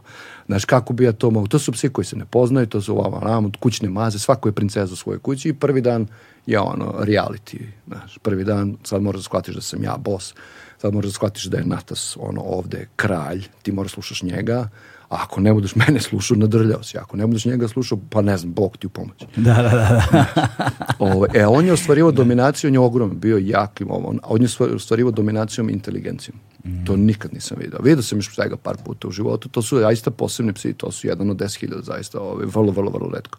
Znači, apsolutni ono, rođen da bude vođa, ali uh, ne radi to dominaciju, ne radi to agresiju, nego intelektom, jer je toliko inteligentan i pametan da je drugim psima cool, da je drugim psima zabavan, interesantan. To što on radi, da. oni svi žele to da rade, jer je to nešto najbolje da, na da. svetu. Da. Znaš, meni je uvijek bilo teško da razumem psihologiju životinja generalno, kamoli pasa, znaš, na, na tom nivou. Da. Znaš, da, da, da psi imaju nešto što im je cool.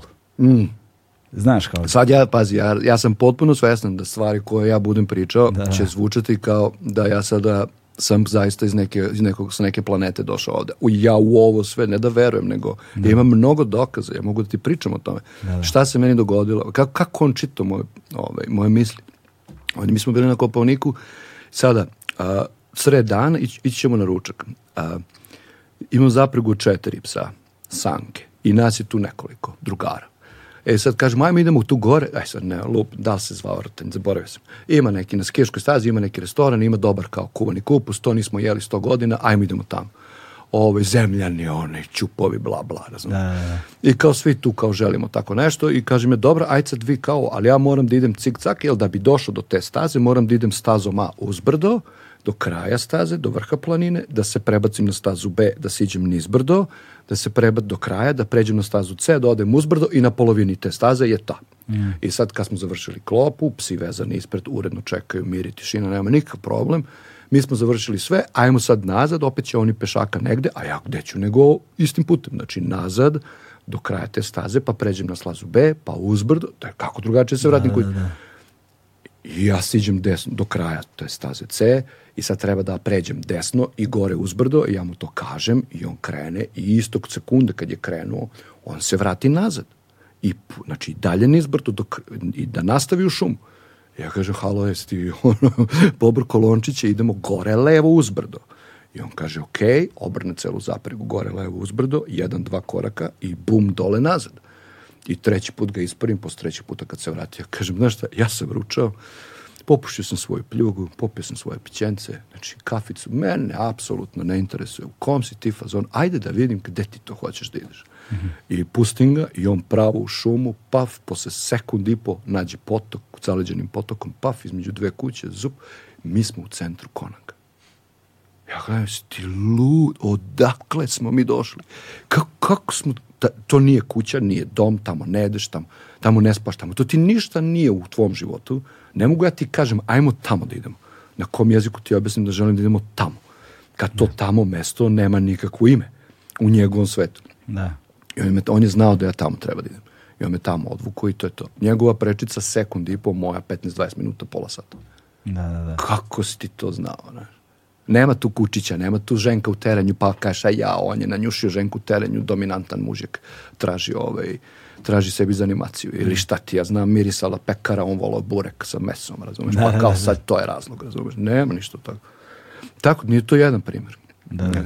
osjećaju tvoju energiju psi glavni posao kao velikog vrhunskog ono vozača zaprege pasa na maratonskim trkama je da emotivno slažeš pse da, razumeš da ti kažem znači glavni posao ti nije da brineš o njihovom fizičkom stanju to je lako to lako naučiš. Da brineš, ne znam, o klimatskim uslovima, to lako naučiš.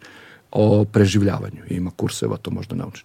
Znači, ali ono što je posebna magija, zbog čega si ti nešto u nečemu najbolji, je prvo da si otporan na nespavanje hronično, jer to je jako teško podneti, i ceo ta priča, smrzavanje, nemaš WC, nemaš tuširanje, bla, bla. Sve to, ali onda glavna stvar je da ti pse slažeš emotivno, da si ti stalno konstantno najsrećniji čovjek na svetu i nema nikakvog razloga da se oni brinu da možda nešto nije u redu. A ti pojma nemaš gde je stada. Da, da, da. A napolju minus 15, 20 ili minus 30, 40, a orkan duva u pitanju je ako ne nađeš neki smešte u roku od par sati, bi, ono, pitanje je da li ćeš ovaj, pregurati noć. I wow, tako da. ne. Ili ne znam, tamo negde njušiš da je otvoreni okean, otvorena voda. Ne da je Bože, odeš tamo sa psima, potoneš, udaviš se. I ko zna. Ili ne znam, ono, plaši se od neke divlje životinja, će najći medved ili šta znam. Uglavnom neće medved kad imaš sve, to je priča. Ali je fora da ti njih treba da slažeš da se ti nečom nisi zabrinuo. Mm. E, to je kao glavna priča. Znači, to je opet kao svim tim elementima gde je veliki rizik naš. Recimo, uh, pratio sam nešto u posljednje vreme ronjenje. To je ono ronjenje u podzemnim ovaj, pe, pećinama, znaš, kao to je katastrofa. Ono provlačenje. Če, češeš i grudi i leđa koliko je tezak, te, tesan prolaz, da. mrak je, blato je uglavnom, nevidivost nula, znaš, pa šta ti, ćeš tu? tu? je pa, tu je panika jednako smrt. Da, da. Znaš, ili, na primjer, ljudi na velikim visinama, znaš, ili ljudi koji recimo trče ultra distance ili ljudi oh, koji naš to tek. naš to znaš. Ti sad treba da razmisliš ono zaista šta ti je reklo srce ovih zadnjih, zadnjih sat vremena trčanja na plus 45. Da, da, znaš, ono, na 120 km u pustinji, naš, da, šta ono... ti je reklo, da, da, li je, da li ti je reklo dobro si da. ili, ili čoveče stani malo da ti moraš da, i onda recimo tu su mi ronioci na dah takođe, su da, isto fascinanci to je znaš, to ono, posebno da. znaš ono na nešto metara Metan, na jedan dah, brate, da. ti da ostaneš normalan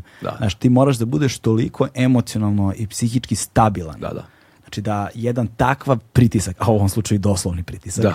oni tu trpe preko 100 metara, ono je 10-11 bari ba, pritiska, da, znaš, da, da.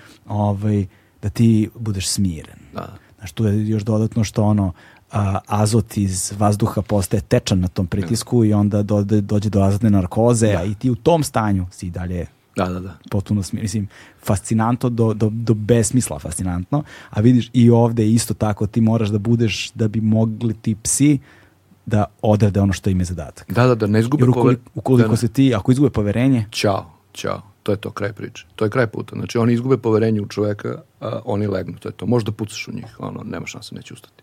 Wow, stvarno? Da, to je kraj priče. Oni su zdravi, njima ništa ne fali. Oni su napravljeni za to. Ti si slaba karika. Da, da, da, pa da, uvijek je čovjek slab. Oni čekaju da ti umreš i da te ne, pojede. Ne, on, a pa jako, oni će, ne, ne, jako, oni tebe vole do, do, do, oni bi te branili od vukova i od ne znam čega, to je, nema to, to je neverovatna vrednost, vernost i odanost i da. ta ljubav nema granice, to ne može da se opiše mm -hmm. rečima. Ti završiš tu najveću trku na svetu, koja je tvoja emotivna, ovaj, kako da kažem, koji ko emotivni status imaju tipsi u tvom, ovaj, u tvom životu, to ne može da se opiše. Mm. Ti ne bi dozvolio, ono, mislim, svoj život bi dao za njih, bukvalno, nema, nema greške ovaj, i naravno oni za tebe. A šta, šta znači to kada oni legnu? To znači da su odustali. To znači da su odustali, da oni više nema šanse da ustanu da idu dalje. To je kraj, kraj puta. E, to se... Dešava. se to dešava, jesi to vidio? Dešava se, da, vidio sam. Recimo na Edita Roadu sam video to. Ja to nisam, ono, ovaj, realno susretao, ovaj, pa sam kao na tim kraćim trkama za pripreme, pa sam tako eto čuo, kao evo ova kao koleginica koja je juče te prestigla ono pun gas, ono prvi dan umesto da je išla malo sporije, da je ono pažljivije hendlovala svoje kuce i brinula o njima malo više, eto ona je isforsirala i eto drugi dan su je psi odustali, onda ti to čuješ, ne, ne vidiš na stazi. A, ovaj, a na, na Editaru da sam video, to je treći dan, četvrti dan, imali smo ogromnu, strašnu, stravičnu oluju, već drugi dan, treći dan, treći dan iz, iz ultra hladnog vremena je takva godina bila, ta moja godina 2007. je bila uz, užasno brutalna. da, i to, i to me pratilo kroz život. A, bez snega. Uf, ne. Zima, da. Jako, jako, jako malo snega. I onda te staze po kojima se ti krećeš, to nisu staze, to nije To nije neko napravio pistu da se vozi Formula 1 ili reli mm. takmičenje, pa imaš put ili to, ma jok, ovo je priroda, prolaz. Između dva drta prolaz i to se sad zove staza. Pogotovo u ranijim godinama, kad je to zaista bilo i zaraslo i sve. Ove, sada tu imaš ono, vidi se da tu da išla ove, godinama ta trka i sada tu se vidi po, po tom rastinju da je tu ono, da su tu prolazile zaprege i zaprege i sad.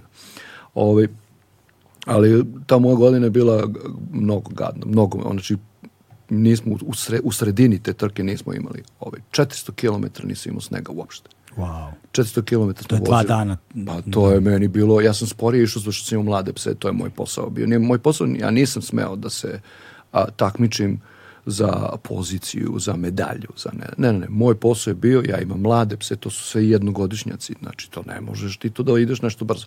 10 milja na sat, to je to, ali oni ko ludaci, oni bi išli ceo dan. Da, da, da. Znaš, njima to prija, ali opet ima mnogo, po, mnogo masaža, mnogo posla, mnogo oko svega. Svaki, svaki nokat je važan, svaki, ma, svaka dlaka, svaki mišić. Ti spavaš i masiraš i mnoge. Ono. Ima posebna ulja, ta koja su prirodna od algi. Vrlo, mm. vrlo lepa stvar, francuski proizvod. Ove, ovaj, Kako se zove to ulje? Ovo ovo se ulje zove algival. Alđiva. I legalno je sme da se koristi. Naravno ti imaš gomilu substanci koje su apsolutno ilegalne, zabranjene i to se otkrije kroz urin ovaj pasa, ozbiljni veterinarski pregled, pa ti ne možeš nijednom sada da dovedeš na trku da nije prošao veoma, veoma ovaj rigorozan veterinarski pregled. Sve i srce i sve se radi. Mm, da. O vakcinacijama to je smešno pričati, to, to se, hvala Bogu, podrazumeva. Pa, da. da i ova cura je to, ovaj, to stvari žena, Kelly Williamson. Evo, to je recimo ista priča. Ona me prvi dan na, na ceremonijalnom startu, to je subota, to je samo ceremonija, to je samo zezanje, to je samo kamere, show, mm. high five, znaš, ono, smašeš. Ja, ja donu malu zastavicu srpsku. Rekao, vi nemate ni pojma kako izgleda srpska zastava. Da. Rekao, evo, doneću vam ovo i rekao, i, i zezam. I rekao, ovo ću vozim na kraj i kad budem završio, ono, na finišu ću da predam generalnom ovom. To se zove a, Bože dragi, uh, race marshal. Aha. Eto, to je ta po, jedan je race marshal, a ovo su race judges i njih imaš puno, sudije, a ovo jedan je samo ovaj, marshal trke. Ovaj, I on je ono osoba odgovorna za sve. Znači, bilo koje povreda pravila, bilo šta, bilo koji problem, on donosi, ili ovaj, treba da se prekine trka zbog neverovatnih neprilika vremenskih ili šta već, mm. ovaj, da li se spašavaju ovaj, takmičari sa staze, bilo šta evakuacije, znači sve njegova mm. konačna ovaj, Mark Nordman njegov, ime i super je lik Ovaj, njemu sam rekao, doneću ti na, na, cilj. na cilju nom, doneću ti ovaj, zastavu da imate, da znate tamo na onaj spomenik gde su sve zastave učesnika, da znate da uklašete kako izgleda naša zastava. Mm. Ovaj, I dao sam mu, ovaj, kao hvala ti puno, da, Saša, naravno meni znaju kao Saša. Da, da, da. Ovaj, Saša Nikolik.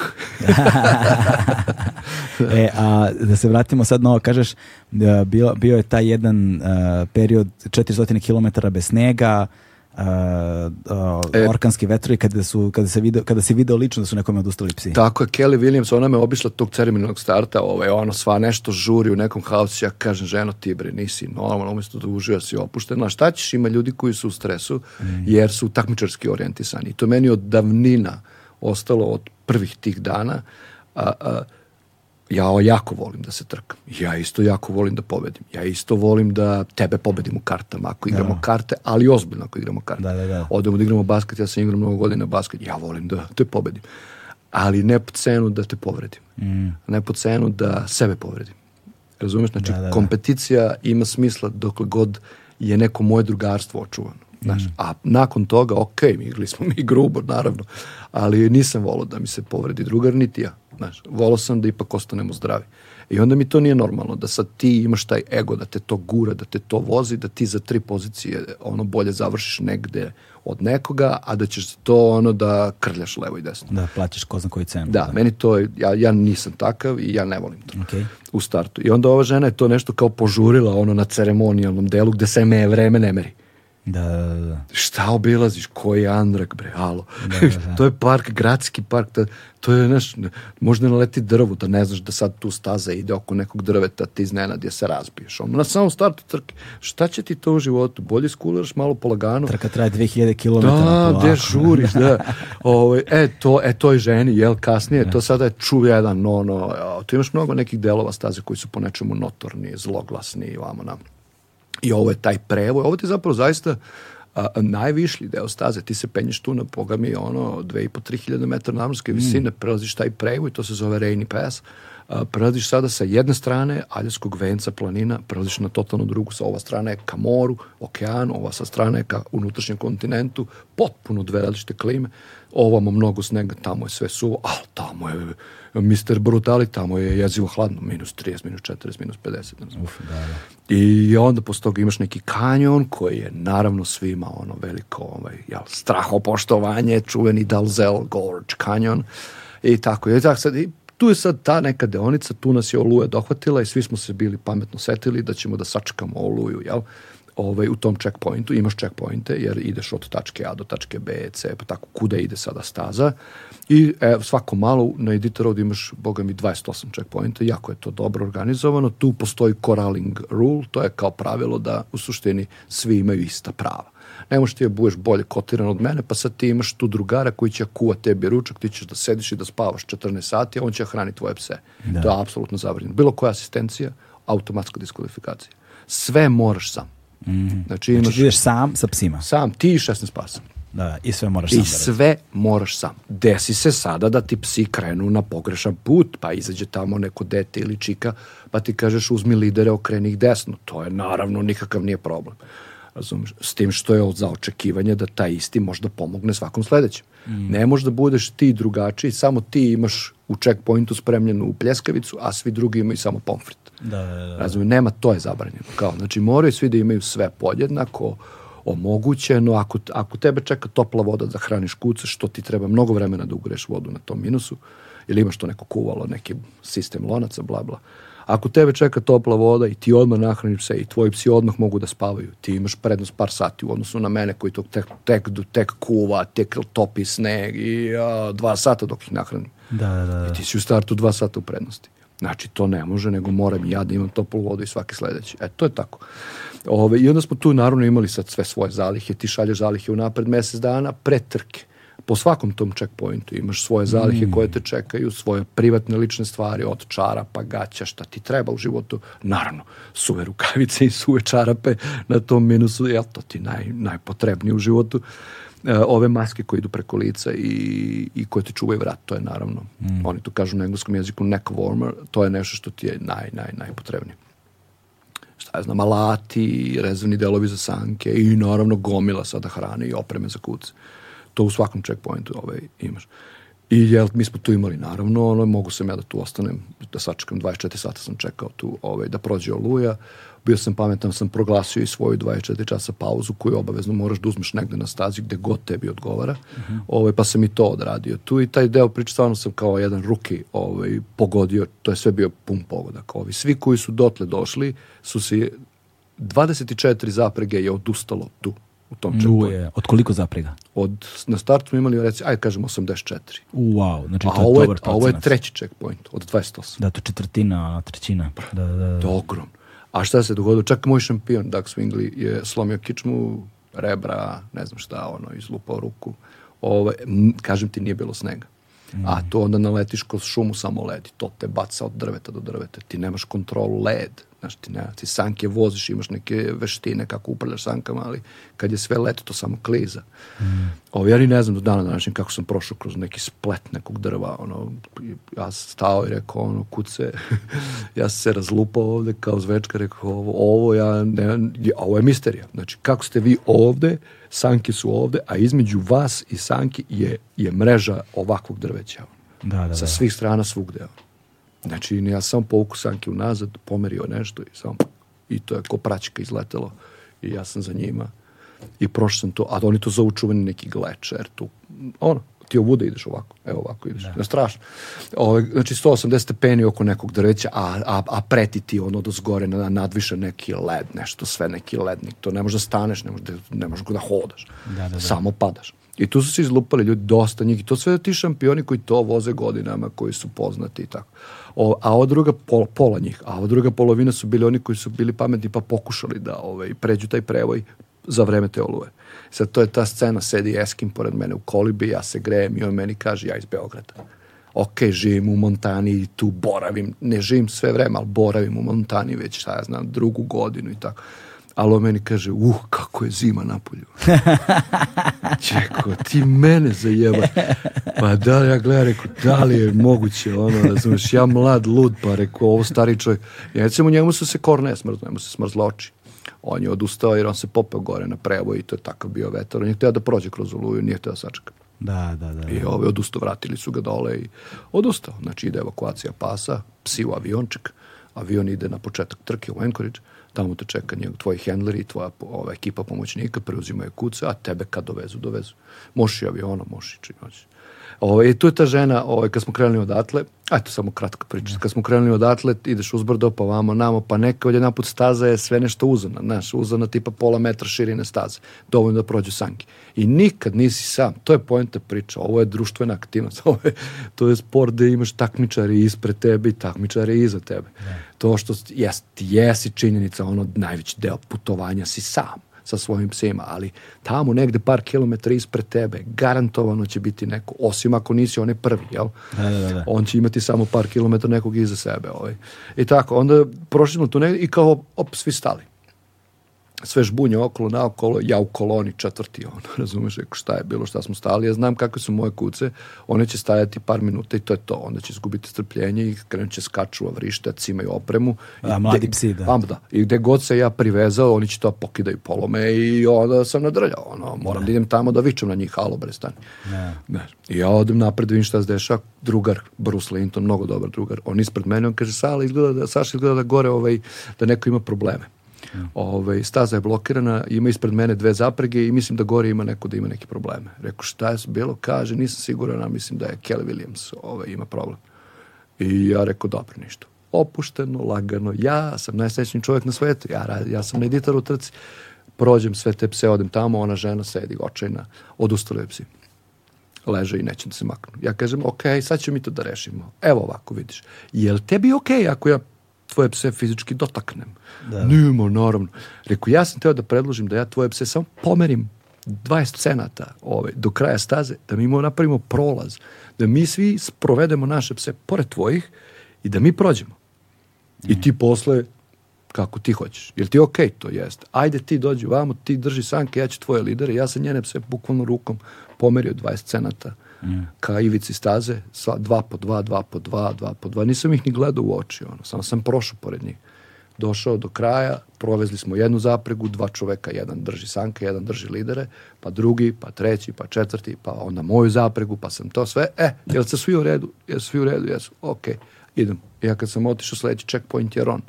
I tu imaš sad tu baš stvarno problematičnu deonicu gde zaista se ljudi lupaju. To je, to je uzani kanjon, mm -hmm stanovit, koji a, čas si na levoj obali staza, čas si na desnoj obali. A prelaz s jedne obale na drugu obalu je preko ledenih mostova. Ta rečica, Dalzel, ona, ona oscilira. Ona nema jedan isti nivo cele zime. I kada je višlji nivo, dolaze veće tem, ove, e, više hladnoće. I onda se zaledi i ti imaš te viseće mostove. A to je opet, kažem, led. Ok, možda padne malo snega pa ti da neki, neki ovaj, neko grip. Neko trenje, da, da, da. trenje da ti tu kao ne sklizneš da možeš da pređe sanka malo. oni tako i organizuju stazu gde je prohodnije. Onda tu je malo žbunje, tu je malo, pa onda oko nekog drveta, to sve opasno. Znaš, ono, to je sve tehnički jako zahtevno za vožnju. Ove, I zato je to ono ljudima, a ima tu, uf, ima tu i neki, neki spust preko nekog drveta i ju, ju, ju. A na tom, oko tog drveta, na drvetu ti vidiš te ožiljke od svih tih ljudi koji su pre tebe tu se razlupali. Se olupali, da, da. O, ja, ja, ja. Dole vidiš komadiće, sanki, opreme, koje šta, razumeš. Ove, ne samo s ove trke, nego i do onih prethodnih. Strado neko tu? Nikad nije niko poginuo. Da, da. Nije, ali vidi, tu trku je generalno završila, ja sam sad računao ove godine, da bi na da neku svoju statistiku, pošto pratim to mnogo godina, do danas, dana danas je završilo malo manje od 800 ljudi. Ukupno za za skoro 50 godina. Wow. Da. Eto, znači, a šta kažu, godišnje se popne 800 ljudi na Monteverest i šta ja znam, znaš, da, kako da. već da. ide ta priča. Znači, jako mali broj ljudi je uspelo da završi trku. Jako je, jako je zahtevno. Mm. Ovaj, I sledeći checkpoint je bio Ron, to je, znači, zaista nigde. U, ono, u sredne dođe, ovaj, u nekoj šumi, neka koliba, tu je neka reka koja je užasno komplikovana, ne možeš ni da hodaš, kamo ne voziš se po njoj, taj led i kamenje i svašta.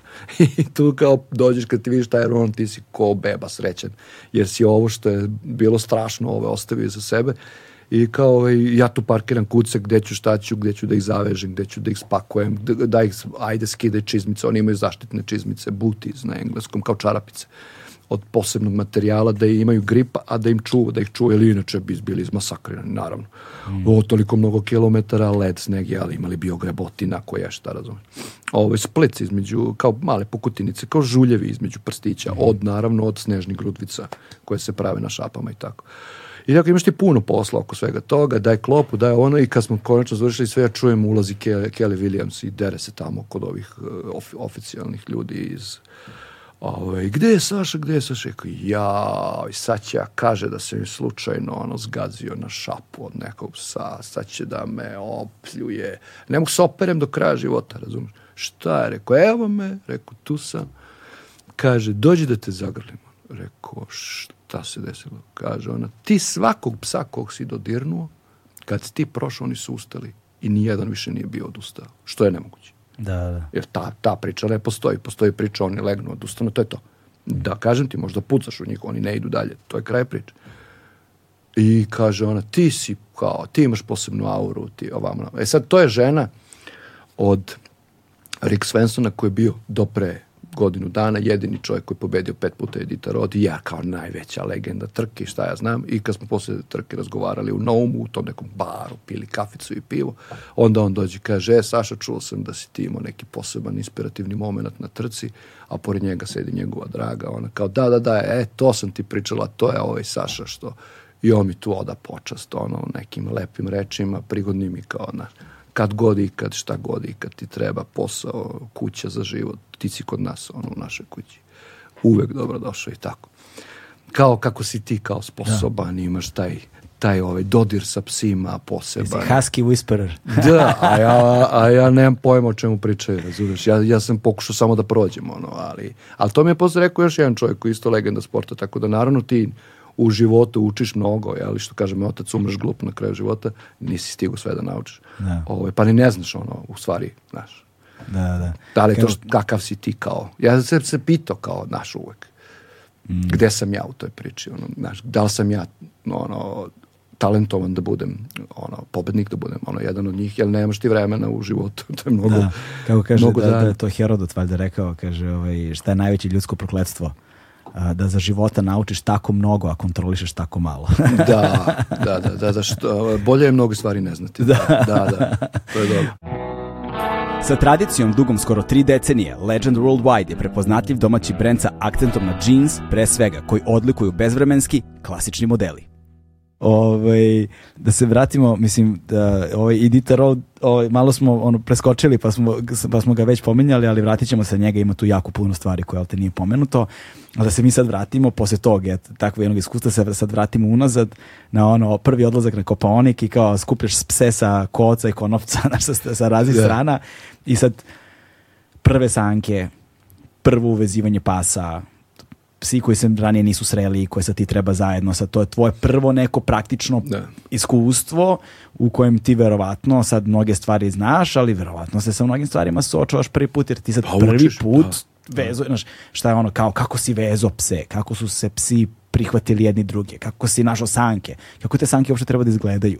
Znaš, mislim, toliko toga nepoznatog. E a E sad, ta, ta priča, ovaj, kako, je, kako je vreme, to je sad recimo 94. pa 95. pa 96. Mm -hmm. tako te godine, jel? Da. Tih godina. A, sad ti ljudi koji, s kojima se ja družim, njima je to strašno interesantno, strašno zabavno. Sad se pokreću priče ko ima prijatelja u, u Slovačkoj, ko ima prijatelja u Češkoj, gde su najeftinije sanke. I možda kupiš sanke od 2500 eura, a možda kupiš sanke od 250 eura. A mi smo si, a dobro, danas su euri, nekad su bile neke druge valute. Da. A mi smo naravno siromašna država, mi naravno živimo u nekom haotičnom vremenu.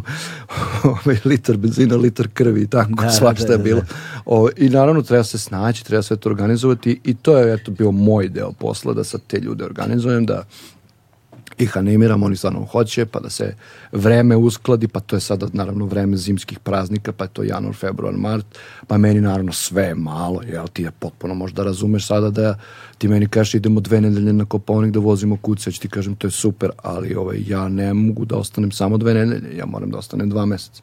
Da. Meni to malo, to nije dovoljno za, da ja zadovoljim te svoje potrebe i tako. I onda sam ja to organizovao tako što sam ja proveo dosta vremena, pa onda ne znam, ove dve nedelje se posvetim ovim prijateljima, onda ove dve nedelje se posvetim ovim prijateljima, onda ove dve nedelje se posvetim, znaš, nekim samom sebi i svojoj nekoj porodici i svojim nekim naj, naš, najbližima mm. i tako šta ja znam. O, I to je moglo da funkcioniš, une mi se kuća koja je velika, ima dovoljno mesta za sve, ima dovoljno mesta za kuce, za opremu, znaš, treba ti hrana, treba ti transport, onda dajte pomozite, treba mi on ozbiljan prevoz, treba mi kombi za tamo, tamo mi ne treba, tamo mi dovoljan auto, bla, bla, bla. Da, da, znaš, ti to je, mislim, komplikovano, ali kad ti to voliš, jasno, jasno, ja, i kad ti to neophodno treba u životu... I po, da, i po kojim ti... principima se, kako se uvezuju psi? E, ovaj, to je prosto, znači, to se u, u parovima je, ovaj, to je taj neki, kako su oni to nazvali, Anom style. Anom je to ime na severu jel, Aljaske, mm. kao neka destinacija. Taj Noum je dobilo, to mesto je dobilo ime po dve reči No Name, mm. pa onda su skratili i na kraju ispada Noum. Ove, ovaj, I to je danas, jel, finish te najveće trke na svetu i Dieterov. A, a, a, to je tako, tako zovu taj nom style. Znači dva psa, dva po dva. Dva, pa ispred njih dva, pa ispred njih dva i tako. Kako, da bi, su, oni, kako su oni fizički? Oni razvijaju? imaju, psi imaju na sebi, imaju amove uh mhm. -huh. koji idu oko njihovog trupa uh mhm. -huh. tako da su im noge kompletno slobodne znači kompletna pokret nogu prednjih i zadnjih, sve kompletno, ništa ne dotiče am nigde.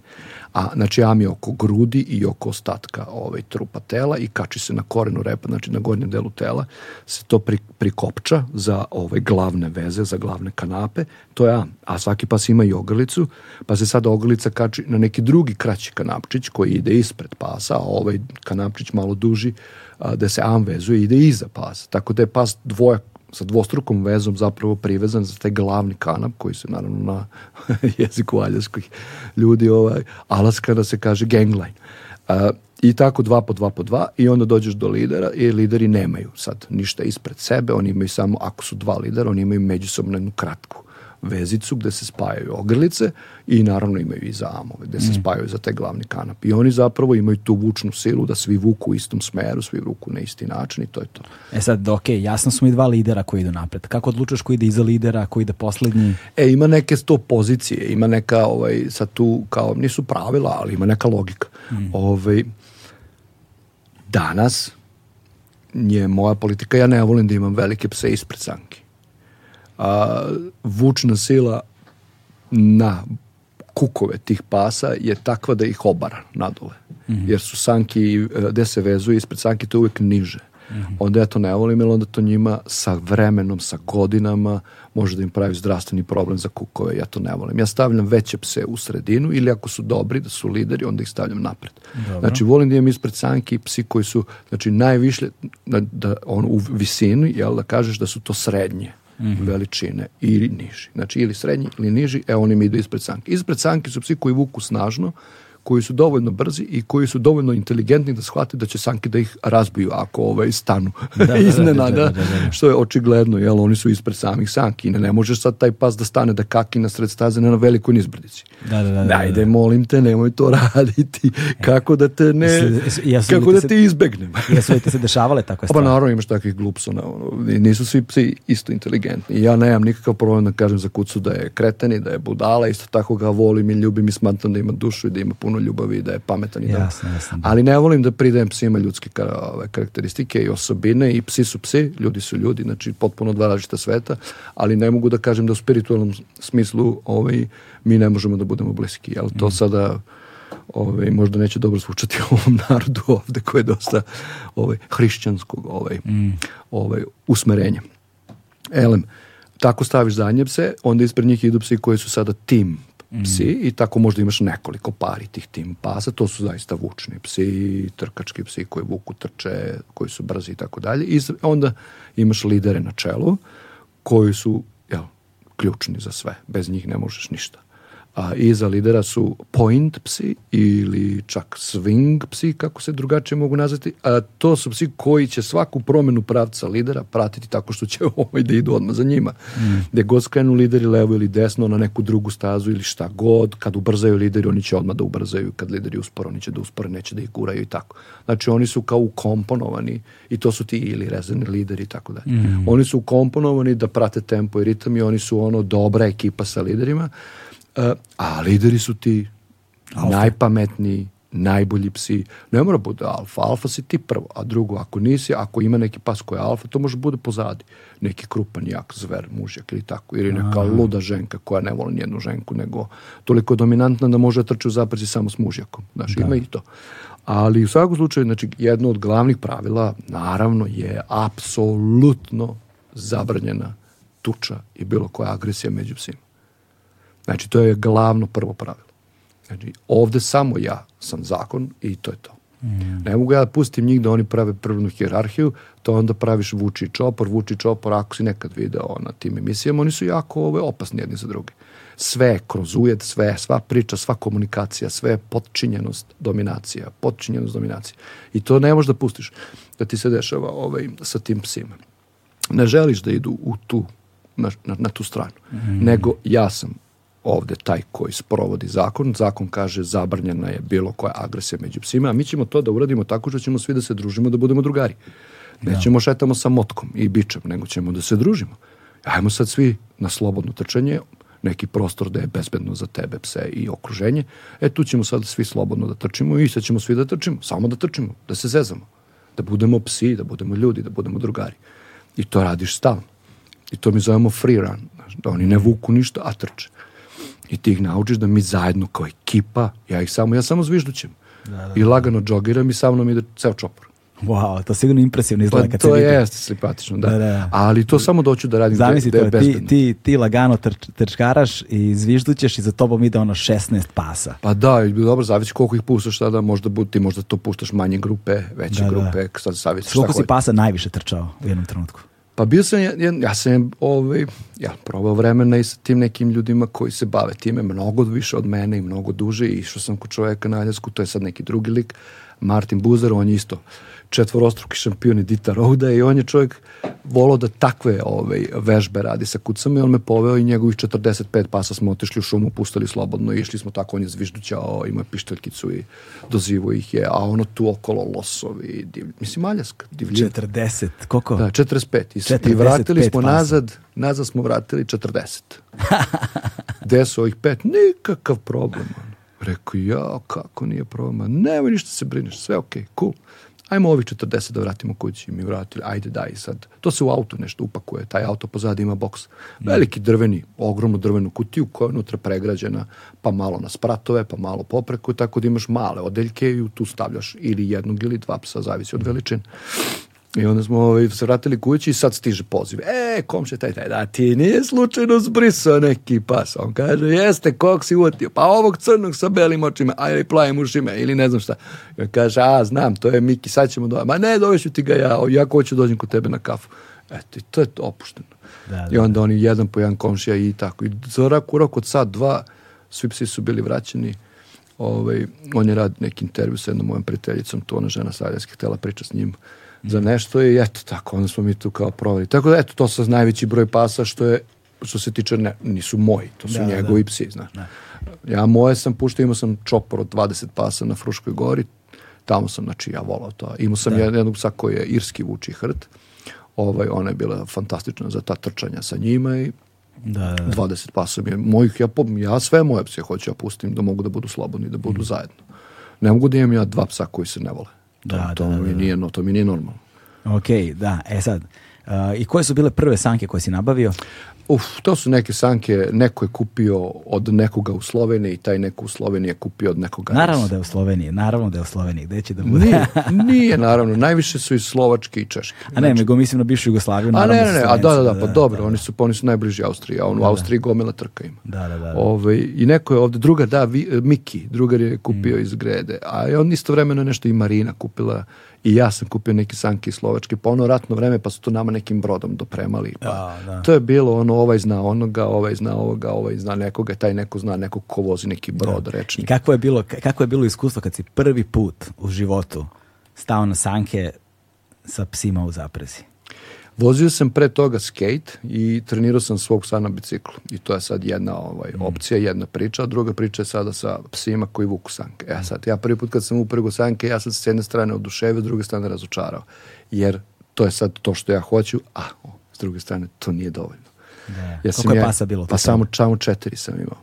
Da. I to je dovoljno da te, i sad ja hoću i brže i brže i brže i onda sam ja brži od pasa i to naravno psi nemaju, nisu trenirani, jel to sad ti odeš na planinu, pa prvi dan, pa adaptacija klimatska, jel, pa vamo nam pa visinske razlike, pa, znaš, tako da mi trebalo vremena da oni budu u formi, tako da onda sam, i onda sam naravno gledao, to je bilo prve godine, onda druge godine šest, sledeće godine osam, sledeće godine deset, sledeće godine dvanest, znaš, na kraju smo mi odlazili na planinu sa po 20 pasa.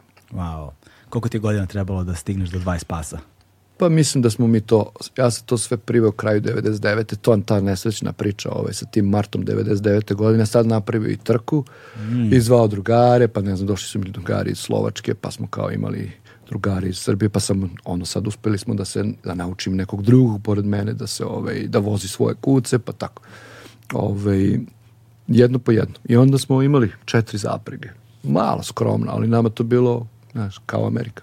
da, da, da, da. da. Veliko kao kuća, a nigde drugde ništa. I da. sad, verovatno je tenzija uh, ono, pritiska svakodnevnog života i obaveza svakodnevnog života u gradu i sa svime što to nosi sa sobom ovaj, i želja, jel te, kojima, kojima si stremio i u koje si ulagao svoje vreme i svoj trud, dovelo do neke tačke pucanja. Znaš, do da u jednom trenutku je sad to bilo previše pasa, previše obaveza, previše onoga što ti je potrebno, što ti nedostaje, a s druge strane svakodnevni život koji vjerojatno trpi do te mere da kao sad to više, više uopšte nije održivo model. Uh, znaš, kada ti, jel ti se desio taj, sigurno si imao taj... Pa sam... ima to, mislim, to su raskrsnice. Znaš, da, to, su, to je da, života da, raskrsnica. Da, da, kada ti se desila je... ta raskrsnica? Pa, pazi, glavna je bila, ovaj, kada, naravno, sad mislim, mi moramo da budemo svesni u kom smo vremenu odrasli. Mm, da. Znaš, ovaj, 90. E, godine su imale svoje ovaj, uticaj, znači to je neminovno a, a, i svi smo mi to prošli i doživjeli. Znaš. I meni je ovo bio neka vrsta očuvanja mentalnog zdravlja, da ja se bavim mesec dana godišnje, da zumeš da bi živo 11 meseci ono što moram, a u stvari ovo što želim, živim tih mesec dana. Mm. I meni se svelo ceo život na to. Znači 11 meseci živim život koji sam prinuđen da živim, niti sam oduševljen šta se dešava u svetu oko sebe, nisam deo te priče, ne volim takvu vrstu ono, da. ovaj, haosa. Jel? Neko ima ko je tu bio, ovaj, kome je bilo to super. Meni ni. Ovaj, I onda naravno 99. sa tim ovaj, bombardovanjem Znaš, to nas je sve nateralo da odjednom počnemo da donosimo neke odluke koje su da. ovaj, mnogo zbiljnije za život. Da, Znaš, mi, smo, mi smo svi ovaj, u roku od godinu dana, svi, ja i kompletna moja generacija, mi smo svi promenili svoj život. Mm. Kompletno znaš, koji ima dugogodišnje veze, ovaj, oni su se uzeli, osnovali porodice ili su prekinuli dugogodišnje veze. Ali svakom slučaju je bila promena. Znaš, ja sam tada rešio da prestanem da radim to što radim sa psima, da to nema nikakvog smisla i da počnem da se bavim nekim svojim privatnim biznisom. U to vreme je to bilo vrlo prosto, kreni šta hoćeš, vrlo malo je bilo tih nekih birokratskih pravila. Iako smo uvek smatrali da imamo ogromnu birokratiju, ali malo je bilo tih Znaš, ljudi su imali video klubove, nisu bili registrovani. Mislim, da, to, to je da, život jasno. u kom smo mi živeli. Ovo, ja sam rekao, ja ću otvorim video klub, ono, da krenem, znači moram da privređujem, dosta je bilo zezanja i tako. I naravno, ono, to, nešto me lupilo, ono, ozbiljan životni šamar posle tri meseca, ono, kao, halo, čemu ti pričaš? da, da, da. To, to tako neće moći. Ove, ovaj, tako da sam to odmah batalio. Ove, ovaj, I tu, eto, to me nateralo da onda razmislim ponovo. Ja sam ja u jednom trenutku rekao, to je to, ono, ja više neću sa Haskima da se bavim. Uh, ovaj, moram da sada promenim svoj život na takav način da se bavim nečim što je konstruktivno ono, sa aspekta ovog života, jel, ovo mm. zemaljskog.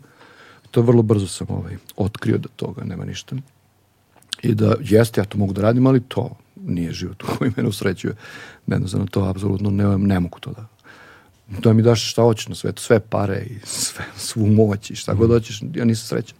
Džaba. U tom trenutku si rata već uveliko pratio Uh, i Dita Rod uh, i, i, i, druge. Koliko, da, tada nekako smo mi polako ovaj, krenuli da imamo internet dostupan, počela je ono era sa mobilnim telefonima i kapiram odjedan da si, Kapiram da se da si otvara, visio na forumima, brate, sa psima. Otvaraju se ti, otvaraju se ti prozor. Mo, mogu da te zamislim kad si prvi put došao do nekog foruma sa haskijima, ono, gde je ceo svet na forumu neko.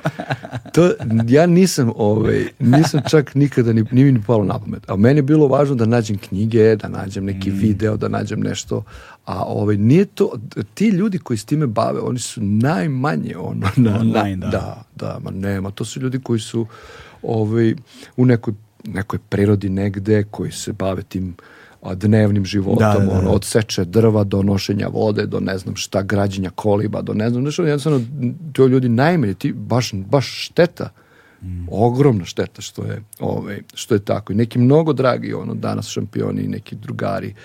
Ne mogu da s njima komuniciram preko interneta jer ni, nema ih kući, nisu da. nikad kući, ovaj, nego su sa svojim psima ili ti u, negde u nekoj svojoj šumi. Da to je koliko, koliko to drugačiji život ali... Nažalost, stvarno da. mi je žao zbog toga, mm. ono, stvarno mi je krivo, baš bi volao, ima jedan čovjek u Kanadi, o Bože, nadesi je Brent Sass, ono mnogo divan čovjek, ono veliki šampion, o, sad je pobedio Dieter od pre toga je pobedio Yukon Quest. Yukon Quest je najtežan trka na svetu, to je minus 40, 50, 60, konstant. 1000 milja isto, 1600 km, ali je brutalna, sačuje Bože. E, ta trka ima samo 8 checkpointa. Wow, I da. ti ideš po 200-300 km da bi vidio prvog čoveka. Mm. I zaista je preživljavanje, stvarno i on je to pobedio par puta, ima neke legendarne priče sa svojim legendarnim psom i tako. Mnogo drag čovjek, on još bi volao da mogu da mu se obratim, e, ajde pričamo šta ima novo, kako su ti psi, džabe. da, da, da, džabe. ne vredi. Znači, ta, je, ta vrsta života zahteva određen stepen posvećenosti i odricanja i to mora da ti bude toliko prirodno da ti je neprirodno da budeš ono, prisutan na šta god, društvenim mrežama. Sigurno. Na, to je, Sigurno, ono, znaš. Ovo ti je baš, baš stvarno ovaj, stil života. Da. Stil da. života i traži i, to, i... E sad, ono što je fascinantno, ti si rekao na početku da si se preno 5-6 godina zapravo preselio u Finsku. Da. A, ti si negde tamo 2000, koje, 12. 13. tako nešto si se preselio na Frušku goru. Ne. pa osme, sedme, sedme, osme. sedme sam završio Ritar vratio se ovaj, u Srbiju i onda sam rekao to je to, neću da vozim više tuđe pse, hoću da imam svoje, hoću pravim svoj kennel, hoću imam svoj posao, vozim turiste, pravim školu sporta, da. šta god, pravim haski centar. da, e sad, E to, da, a, a dakle, dakle, tad si prešao na Frušku goru, to će, tome ćemo da pričamo, to je posebna tema, ti si sad zapravo došao praktično s Fruške gore. Da. ti si došao ovde nešto kratko, na 7-8 dana. Da, da, da, da, malo duže, ali malo, kratko sam da, u Srbiji, Na desetak dana si da. došao samo u Srbiju da. i mesecima smo se čekali za ovaj razgovor. Da, da. I sutra već ideš nazad u Finsku, tako? Idem sada za Sloveniju prvo, da ovaj posetimo ponovo ženinu porodicu, Aha. pa onda idemo za Švedsku, posetimo sestru, pa idemo u Finsku da e, radimo. E, da, da ali sutra već odlaziš da, to, da. da.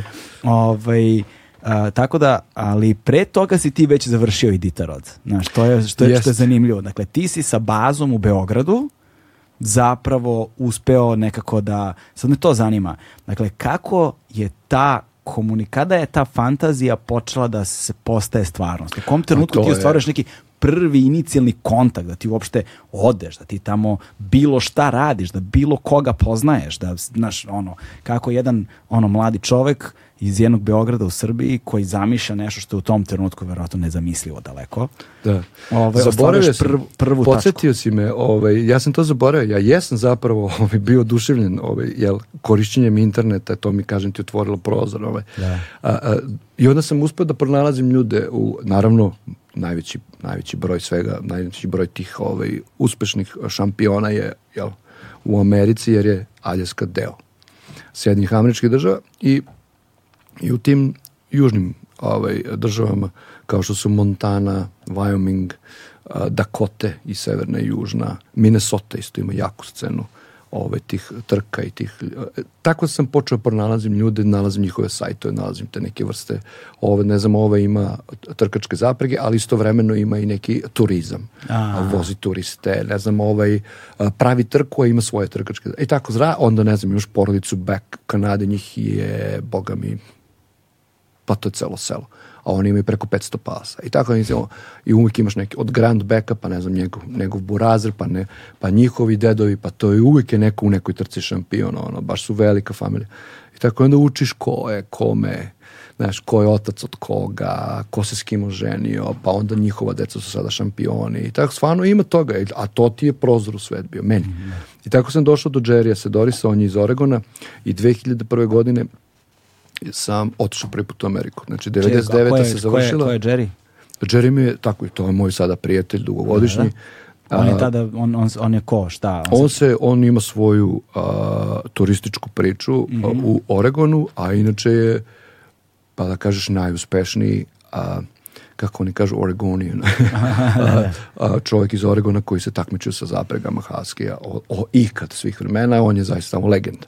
On je stvarno legenda. I showman je veliki, on je zaista neverovatan čovjek. I on, baš je specifičan, prelep, predobar čovjek, ono, veliki prijatelj. I ti njemu pošlješ e, mail. E, ja sam da. Nje, da, on je, on je zapošljavao, on je tražio ljude koji će da voze ove turiste i ja kad sam to vidio da to postoji kao opcija, to je meni bilo kao kec na jedan. Znači, to je meni fantastično odlično. Jebeš prilike. video klub, daj, brate. Ma kakvi, to, toga nema ništa. Ono, to ne, da, daj to da je, ja vozim turiste. Da. da. to je samo ma, požar kakav video, video klub možemo da zapalimo. Ovaj, ovaj, da. Bez problema. A, in, in tako sam ovaj, stupio u kontakt s njim i on mi odma na prvu loptu. Ono, dobar dan, ja sam taj i taj. Na, prvu, na prvi kontakt on je mene ono, ti si fenomenalan, dođi vamo. Što si mi poslao mail? Da, da, da. 2001. Da, da, da mail, pa kontakti, pa slike, pa daj vamo namo. Daj bilo šta, samo da pričamo. Znaš, mm I on je odmah hteo da priča, on je odmah bio u fazonu. Ja sam rekao, znaš kako, ono, tvoja država je bombardovala moju državu prošle godine. Da, da. Ove, ovaj, evo sad se nešto kuva, deluje me da će biti gadno i kao kad sam ja dobio vizu da mogu da odem u Ameriku u roku od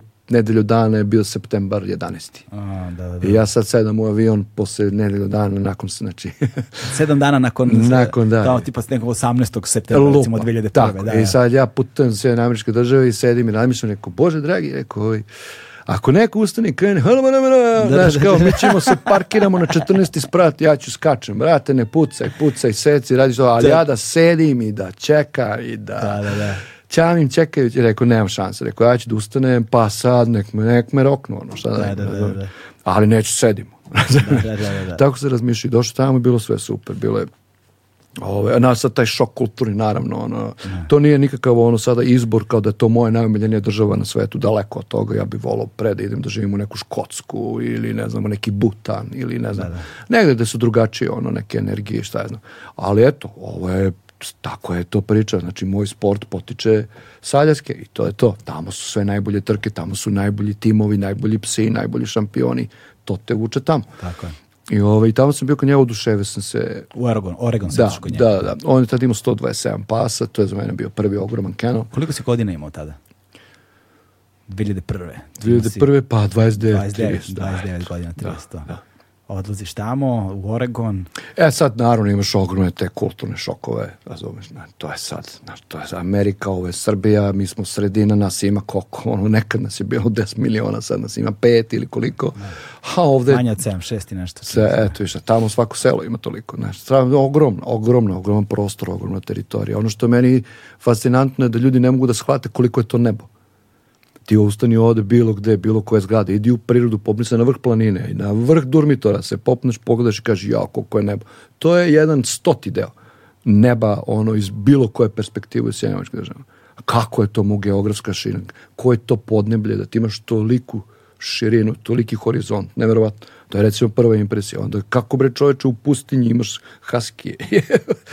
kako je moguće da, da, mi smo imali neki stari Ford iz 68. ono, koje mora da lupaš po točkovima da upali u, ne znam, neke fore munje. Da ga ove, a on u stvari cisterna i on pozadi ima neku teračvu i tu prska vodu i ti se tom cisternom ideš i kvasiš peščanu stazu da bi po toj stazi odmah posle toga mogu da treniraš pse, jel, zbog prašine, naravno. Da, da, da. da se ne guše ove, ovaj, to je pesak, to je, mislim, pustinja. I onda za taj Wild West, ono, znaš, naravno, ja sam odnosno kao dete čitajući knjige obožavao priču o indijancima. Meni su i danas, ono, omiljeni, ono, omiljena su mi tema severnoamerički indijanci. Uopšte ono native, uopšte urođenici, uopšte ono ljudi koji su tu oduvek živeli, a ne sad, jel, da. došli i tako. Ili nasilno promenjenih, ono, mm. ovaj, ubeđenje i shvatanje i tako. Ovaj, tako da, eto, meni tamo bilo fenomenalno oduševljeno, oduševljen sam bio i na sedmom nebu. On je mene predstavlja ljudima kao sedmo svetsko čudo. Ne, on nije normalno šta radi. Ne, on, je, on, je pravio, on je tada te godine pravio prvu trku, ovaj, ono, ozbiljnu, veliku, najveću trku kao u Oregonu. To se trka zvala Ataboy 300, to je trka od 300 milja. To je neki drugačiji režim, to nije ovaj... Uh, da kažeš režim. Ataboj, sistem. Ataboj je zapravo uzvik psu. Ataboj kao, znaš, kao, kao, do, dobar, dečko, dobar, dobar pas, dečko, do, ili Ata girl, dobar, da, da, da, da, E sad, to je bio valjda i sponsor, ovaj, i, a, i tako onda to, zato je ime to i odabrano, ali to je bila ona trka, drugi format, nije ovo od tačke A, start, pa ono cilj, jel? Pa kao to je to, nego je ovo drugačiji format, ovo se zove stage stop, pa kao ti si danas na ovoj planini, pa tu imaš jednu stazu od 40, 50, 60 km, start pa završiš cilj, izračuna se vreme, pobednik dana, onda se svi pakujemo automobile, pardon, idemo na sledeću ovaj, planinu, tamo je druga staza, tamo je staza, lupam, 65 km, e, vozimo tu stazu, pobednik dana, plus generalno vreme mm. koje se sabira, pa su dve nagrade. Onda treći dan i tako dalje, i tako dalje, i tako dalje. I onda on, tu, on je tu skupio ono 300 milja, oko 500 km, E, I on je tada te godine, kad sam ja došao, pravio tu trku. I on je išao da animira, recimo, obično stanovništvo. Mm. Da bi dobio a, a, do, a, volonterske porodice koje će da ugoste sada te takmičare da ne moraš da sad se iznamlju hotel Janka Marka, što da, je da, potpuno da, da, da. besmisleno opterećivanje ovaj, budžeta, apsolutno. Ali koji je to entuzijazam, čovječ? Ali ljudi, pa to je, a zašto ne? Pa da. Ima ljudi, a, znaš koliko ljudi je došlo i reklo, ja bi voleo, ja bi voleo da meni dođe ovaj, recimo i onda imaš spisak I oni se prijavi, oni kaže, evo ja bi volao ova porodica ili ovaj takmičar. Ali oni dolaze sa psima. Tako je, sa svom svojom opremom. Oni samo tu prenoće, njima treba jel, krevet, soba, tuš, kabina, naš kupatilo. A psi spavaju napolju? Da, da, naravno. Psi, psi, oni, ti sve imaš svoje to je sve vrlo, vrlo profesionalno organizovano. To su prikulice koje su unutra kao, eto se zeza, kao kokošinci. Ono. Da. Znaš, ti uđeš u jedan ogroman prostor, ogromna prikolica, a ono unutra imaš kaveze, boksove, pa pregradice, pa ne znam. Pa oni svi tu žive. Ja, kad zalaju tu unutra. ta, da, ta, taj udarac sa svih strana, ono. Ju, ali to ne prija. Da, da, da. O, mnogo je glasno. Da. A haski umeju i da zavijaju. Pa njih da... 50 unutra. Da, da, da, da, da, da, da. ti si između svih njih, ono. Ne. O, a oni zalaju čim izbu napolje da bi piški ili kak ili imaš neke lance i šta je. Da, da, da. da, da. Ove, ovaj, I onda te, on smo, ja sa njim to ove, ovaj, i, i, da bi sad onaj... koliko si ti proveo vremena taj prvi put kad si otišao? Pa to je jedna sezona, ta sezona uvek ti počinju sve, svi treninzi počinju 1. septembra ili 5. ili 12. ili 15. ali to je to. Da. A sve ti se završava krajem aprila.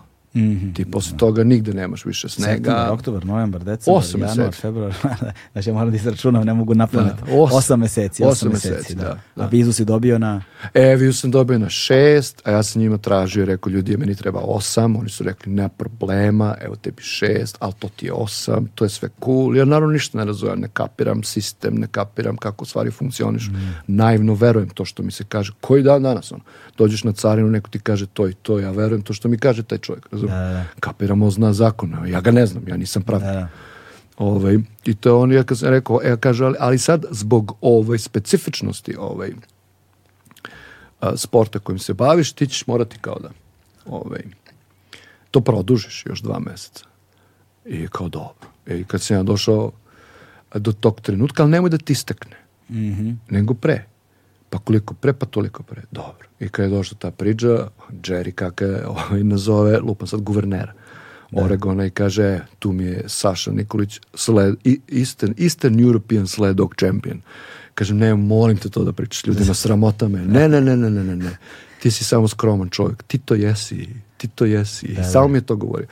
Ove, ovaj, i blava, i tako, i onda on nazove i oni ljudi kažu kao da povrijemo, dajte podatke, bla, bla, i oni kažu, ne, ne, ne, kao, pa njemu je viza produžena od starta kako to, kao pa kad si... A sad ti kad ulaziš tamo, ti imaš taj razgovor sa tim Immigration Naturalization Service, da ti ljudi iz te njihove službe, ovaj, ti imaš sa njima te razgovore, oni sad, naravno, ono, to što ti dobio vistu, ne znači da ti sad stvarno, ovaj, znači ti biti i dozvoljen ulazak u tu državu, ta država ima sve ovo, ono, veoma ozbiljne te, ovaj, službe i onda smo mi tu pričali ko šta, gde, odakle, zašto, kako, ovamo, namo, pa jel ti možeš nama nekako da to sada ono pokažeš, dokažeš, u, kako da ne, ja sa sobom nosim gomilu, ono, fotografije, materijale, ja sam to izdavao videokasete, bio po novinama, po televizijama, rekao, imaš ovo, imaš ovo, imaš ovo, imaš ovo, pa rekao, evo ti, ovo su dokumenta od mojih pasa, rekao, moji su psi ostali, rekao, ja ne idem nigde bez pasa.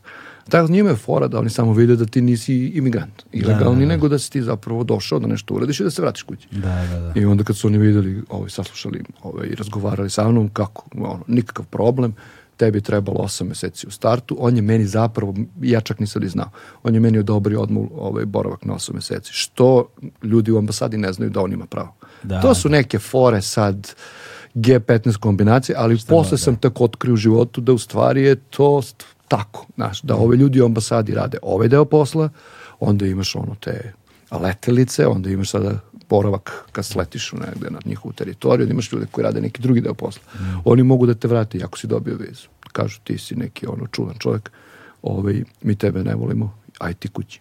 Mm. Da ti ne odobre uopšte ulazak. I ako, ne znam sad, ti dobio si možda budeš samo šest meseci. Ma jok, aj kući. A očigledno imaju i drugu da, da, opciju, opciju B.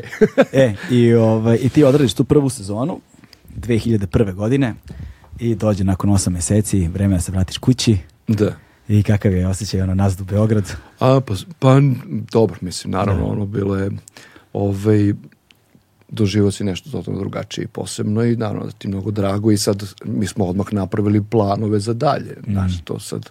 A, a, Vratio si se kad si se vratio nazad? Ja sad, to je sad da, 2002. godina, polovinom, tamo da. što je da. maj, april. I u kom trenutku ti zapravo počinješ ono, ozbiljno da razmišljaš o Edita Rodu?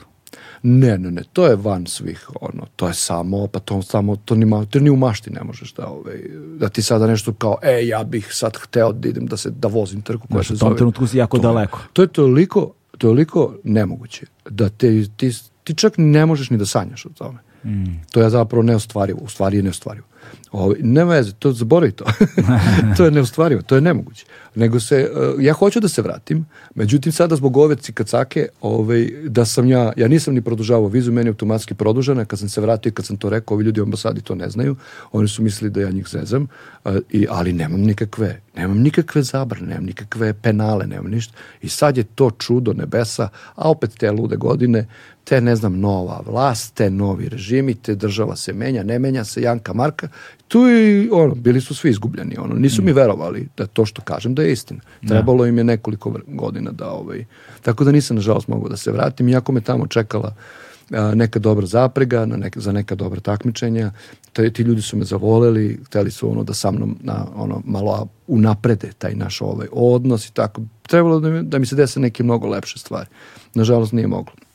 I onda se našao ovaj, uh, Nigela Hilla u Kanadi i onda sam 2003. godine otišao u Kanadu, ili četvrte, zaboravit ću, zaboravio sam sada, ja mislim treći, o, u Kanadu. I on, e, a on je, čak, on je teo da se mi samo takmičimo. Aha. Znači, samo da idemo na trke, njemu je trebao neko ko će naravno da bude pomoćnik, naravno da radiš neki fizički deo posla, naravno, to je sve potpuno logično, nego on hoće da se mi trkamo. On ima trkačku jednu, ovaj, a, pa čak i firmu ovaj, tim, trkački tim i on hoće da ima, i on ima plan, idemo na ovih šest trka, tebi će biti uplaćeno da se takmičiš na ovih šest trka. To su prvo pripremne trke, to su trke tipa startuješ sad, pa voziš 50 km, to ti je finiš, sutra dan ista priča. To ti je mhm. sada prva trka koja ti je najkraća, najblaža, najlakša i te, te trke pripremaju i tebe i kuce, znaš. Ovo, ovaj, I tako postepeno, stepen po stepen, do one zadnje koja ne znam sada, Nama je bila pik, glavna trka nam je bila Canadian Challenge, ta trka je 600 km, 800 km, nije 800, 600 km. Ajde, sad, Desno. 600 km, da. Neke Ovi. stotine su u pitanju. a, da, i, ali eto, kao, to je kao Canadian Challenge, to ti je kao trka koju nikad Ruki nije završio, to je ono sega mega ozbiljno, to je nije zezanje, uozbilji se. da, da, tamo. Znaš, tako. Onda je on imao svojih, ne znam sad, ajde sad, ne lažem, 70 kuca m, mm, koje smo pakovali u tri različite kategorije, ono C grupa, B grupa, A grupa, A grupa najbolji, C grupa najloši i sad u A grupi su psi koje će onda vozi, pošto i on želi da se takmiči, iako je čovjek u godinama, a obe i C su neke grupe koje ću ja trenirati i s kojima ću se ja takmičiti. Mm -hmm, okay. Sad šta je tu najbolje iz svega toga, pa onda mi odaberemo, pa zavisi od trke do trke, pa od kondicije, do, od trenutne situacije kuce, pa vamo nam. Pa neka trka ima zaprige 6 pasa, a, ne, a ove druge imaju 8, 10, 12 i tako da. E, to je bilo meni fenomenalna godina. Mm, imao sam dva četvrta mesta, tri treća mesta, jedno drugo i kad se sve završilo, to je tih šest trka i ne znam šta. I on kaže, dobro, mi hoćemo kao porodica, ti si neverovatan fenom, bla, bla, bla. Oni su me zgotivali mnogo. Ove, ovaj, mi hoćemo da te častimo. Ima jedna trka, mi nismo to, to nije planirano, La Ronge na severu te njihove pokrajine sa Saskatchewan pokrajina mm. u sredini Kanade i na severu gore, a ja volim što je severnije, to je meni slađe, ovaj, jel manje ima, da kažeš, belih ljudi, nego da. više ima indijanaca, jel, to je sad njihovo, našo nacionalno, i onda, a na polovini je pola-pola. A kad dođeš na sam sever, onda tamo redko imaš da viš bele ljudi, Uglavnom su te ljudi koji tu žive hiljadama godina. A neki od njih su čak i gajili haskije, ono, baš mnogo, mnogo godine. Onda ti ta čuješ tu priču, da upoznaš te ljude, da bi, to je, to je toliko dragoceno, ja to ne mogu ti objasniti. Ovaj, I na tom Canadian Challenge-u smo prolazili kroz jedan indijanski rezervat, takva je staza bila, a, a, Montreal Lake se zove, Montreal jezero. I jako to nije kod Montreal grada, naravno daleko od toga, nego tako se zove. Ove, i, ali su oni nešto jako imali lošu reputaciju za, za nesaradnju, onda kriminal, onda da. da. svačega, ono, baš stvarno jako loše. I to je kao, baš su imali neku, ono, tipa, ubićete ta priča. Mm -hmm. Ove, a ja došao, znači, ja seo, gde ste, braćo, gde si rode, sad ćemo se ljubimo, sad ćemo pričamo, a trka. Da, da, da, da. da. Jel ti treba nekad da odmaraš te kuce, znaš, a kad sam ja dot, dotle dotačao sa njima, sad je recimo moj program bio, ja tu imam obaveznih, recimo, ne obaveznih, ja tu odmaram 8 sati ili 6 sati. Znaš, i sad za to vreme, uh, Ja sam završio sve sa kucama, sve ih spremio, nahranio, istimario, sredio, spakovao, imaju oni kaputiće, skinuš čizmice, pa ih pre, prepraviš te vezice, pa oni spavaju na grupicama, pa im daješ slamu, pa imaš ti tu posla kako hoćeš. Kuvaš vodu, praviš klopu, vamo nam. Sve uradio, e sad je vreme, ti možda jedeš. Reku, vidim ja tamo nešto ima kao neki, nazovi kiosk, iglu. Ovo vidim tamo ljudi nešto klopu neko iznose, a ti nemaš pojma ti si uplatio učešće trke, ti sad nemaš predstavu generalno ono, na, u tim checkpointima ili imaš li obezbeđenu kafu. Da li ti oni ljudi daju neku kafu besplatno, da li ti daju neki hamburger besplatno, negde da, negde ne, ti ne znaš, mora pitaš. I ja ne znam, vidim tamo, oni ljudi klope, reku, šta ima za klopu? A onda ono mlad dečko indijanac, severnoamerički. On kaže, ima hamburger, ima čili pasulj. Ja mnogo volim jedno i drugo. Rekao, smem ja i jedno i drugo i Coca-Cola. Kako ne, brate, evo. Aj, rekao, dođi da ti pitam nešto, majke ti, ono, nisam imao nikad u životu priliku, pitam mladog dečaka, hej, brate, šta vi radite, kako se vi provodite, kako se vi ovaj, uveče družite, znaš, koje je vaše zezanje, koji je vaš život ovde, znaš, aj, pričaj mi, ono. I to je njima bilo neverovatno. Oni su zvali da dođu sve te poglavice iz sela. E, kaže, sa, ja sam seo sam sa njima i oni svi se okupili, stariji, mlađi, žene, muškarci, hoće slušaj šta ja pričam i hoće za mnom pričaju svi. Strašno sam im zanimljiv. I oni mene tu kažu, ma daj, idi zovi, sad oni kažu ime, ja nemam pojma ko je to, kad to u stvari ono poglavica glavni sela, razumeš, pa je došao ona, ja njima ispričao, ona, ja imam neke, pošto je strašno hladno, ta garderoba i oprema je, je naravno izolovana, naravno to su slojevi, naravno to je krupno, ti izgledaš ko astronaut. Da, da. Znaš, ja sam tada imao te, tu opremu za ispod minus 40. To je naj, ono, to je, na, mislim, to je naj, najbolje što može da ima. I te čizme su ogromne, pufnaste, izgledaju ko one čizme od astronauta. Ono, da, ti ne da. možeš da veruješ da neko u toj možda hoda, a kamoli da potrči za psima. Ali šta ćeš ti naučiš kako i onda ti više nije problem. I oni kažu kao koliko velike imaš čizme, Ja kažem, pa to u našem selu se kaže kao kanuj, znaš, kao, kao močam, ja. ima čizme kočamci, ono, na. Da. ja njima prevedem, ono, te naš smisao za humor, oni, ono, pukno smeha i kao zgotive me i kao ti si, ono, najbolji i ja tu u priči zaboravim ja. Mm. majmun da pitam koliko sam dužan i odem da spavam, ja sam ostalo mi samo malo vremena za odmor i odem odspavam, a, a već je oluja udarila, to je bio neki problem, ono, taj, baš, taj, to jutro, čak i ovaj moj šampion opet igrom slučaja takav je život ovaj, odustao, jer je njega su ono psi zmrcvarili te noći, nisu ga slušali i ono na kraju malte ne završio na autoputu, tamo su ovi ozbiljni kamioni natovareni drvima, ono čovjek se uprošio će pogine. Ovaj, I onda ono, taj srest i sve ostalo i on je čovjek rešio da to je to, ono odustaje pa mi daje neku svoju još bolju opremu, nešto za vetar, pa sti kao beo, znaš, ono, kone maskin Ovaj, to je jako tanka tkanina koja je za te vetrove nevjerovatna. On ostaje ti sva toplota unutra, a diše. Da, da, da, da. Ne znojiš se. Znači, nestvarno. O, a ne probija vetar. O, ovaj, I tako, onda, to jutro je bilo ono malo napeto, ovaj, jer vidljivost je izuzetno ovaj, loša, vetar, oluja i ti, a ideš, znaš, treba da kreneš. Tako da sam ja u tim razmišljanjima ovaj, tu i zaboravio da pitam da platim, a smo se posle i vraćali kroz to isto ovaj, mesto i kroz to isto jezero. Ja sam rekao, e, ja sad stajem, tu sam već bio treći. Ovaj, tu sam izbriljirao, ono, obilazio sam nekog čoveka koji je ovaj, tu ono, kao lokalni takmičar godinama, a obišao sam ga tako, ono, na, naš, za medalju, ono, to je bilo baš prelepo sa da. njegovom kucom, to je kuca koju on prodao, on, ovaj, šampion. Da, kao njemu ne treba. I on me posle pita, je li si me sa njom obišao? Ja kažem, pa morao sam, brate, tvoj pas, ono, da vidiš kako je slatka, ono, kad da. prolazi pa ti maš. Imaš i to zezanje, naravno. Mm. A opet ja volim da, ono, budem kolegijalan. Jer jedinu pomoć na, na stazi kad se takmičiš, koja je dozvoljena, je pomoć od drugog takmičara. Mm, to, je, da. to je jedina opcija da to bude validno, legalno i da nije problem a sve drugo je diskvalifikacija. Onda sam stao u to selo, ovaj, došao tamo i pitam, rekao, ja moram prijavim da sam ispao ovaj, prošli put seljak, rekao, ovaj, zaboravio sam da pitam koliko košta ono što sam klopao, ja ću sve isto, znači duplo sve i da platim. kaže, oni kaže, kako ti ne razumeš? Pa ti si jedini čovjek koji ovdje nikad nećeš platiti. Ja. Da. Rekao, kako, stvarno? Rekao, oni svi će plate, ja neću. Da, ti jedini nikad nećeš kod nas da platiš a meni srce ovoliko, razumiješ. Da, znači, da, da, Znači, sam ja imao stav, ono, mm. znaš, da ih volim, da nemam te strahove, da nemam te predrasude i to sve, a ovi drugi nisu. Znaš, mm. i ja, ono, posle kad je bilo, ono, držiš govor, to ja znam, na svak, kraju svake trke imaš taj moment dodelu nagrada, pa ono, treba kažeš da se zahvališ sponzorima, tati, mami, Bogu, ovo, ono, šta ko voli, i sad, a ja uzu pričam o njima. Aha. Da. E, rekao da pohvalim baš checkpoint, ono, Montreal, Lake, kao, ovo im je prva godina, ali svaka čast, domaćinski, sve bezbedno, a ja sve u inat, ono, razumijem. Da, da kao iza mene svaki takmičar koji je dolazio drži govor, a da pohvalim checkpoint Montreal Lake, da je, a, reko, bravo. Da. Tako da su oni izbriljirali, oni su posle naredne godine bili ono najpopularnija destinacija. Mm. Baš mi bilo drago. I dakle, to, to iskustvo uh, u Kanadi je bila koja godina?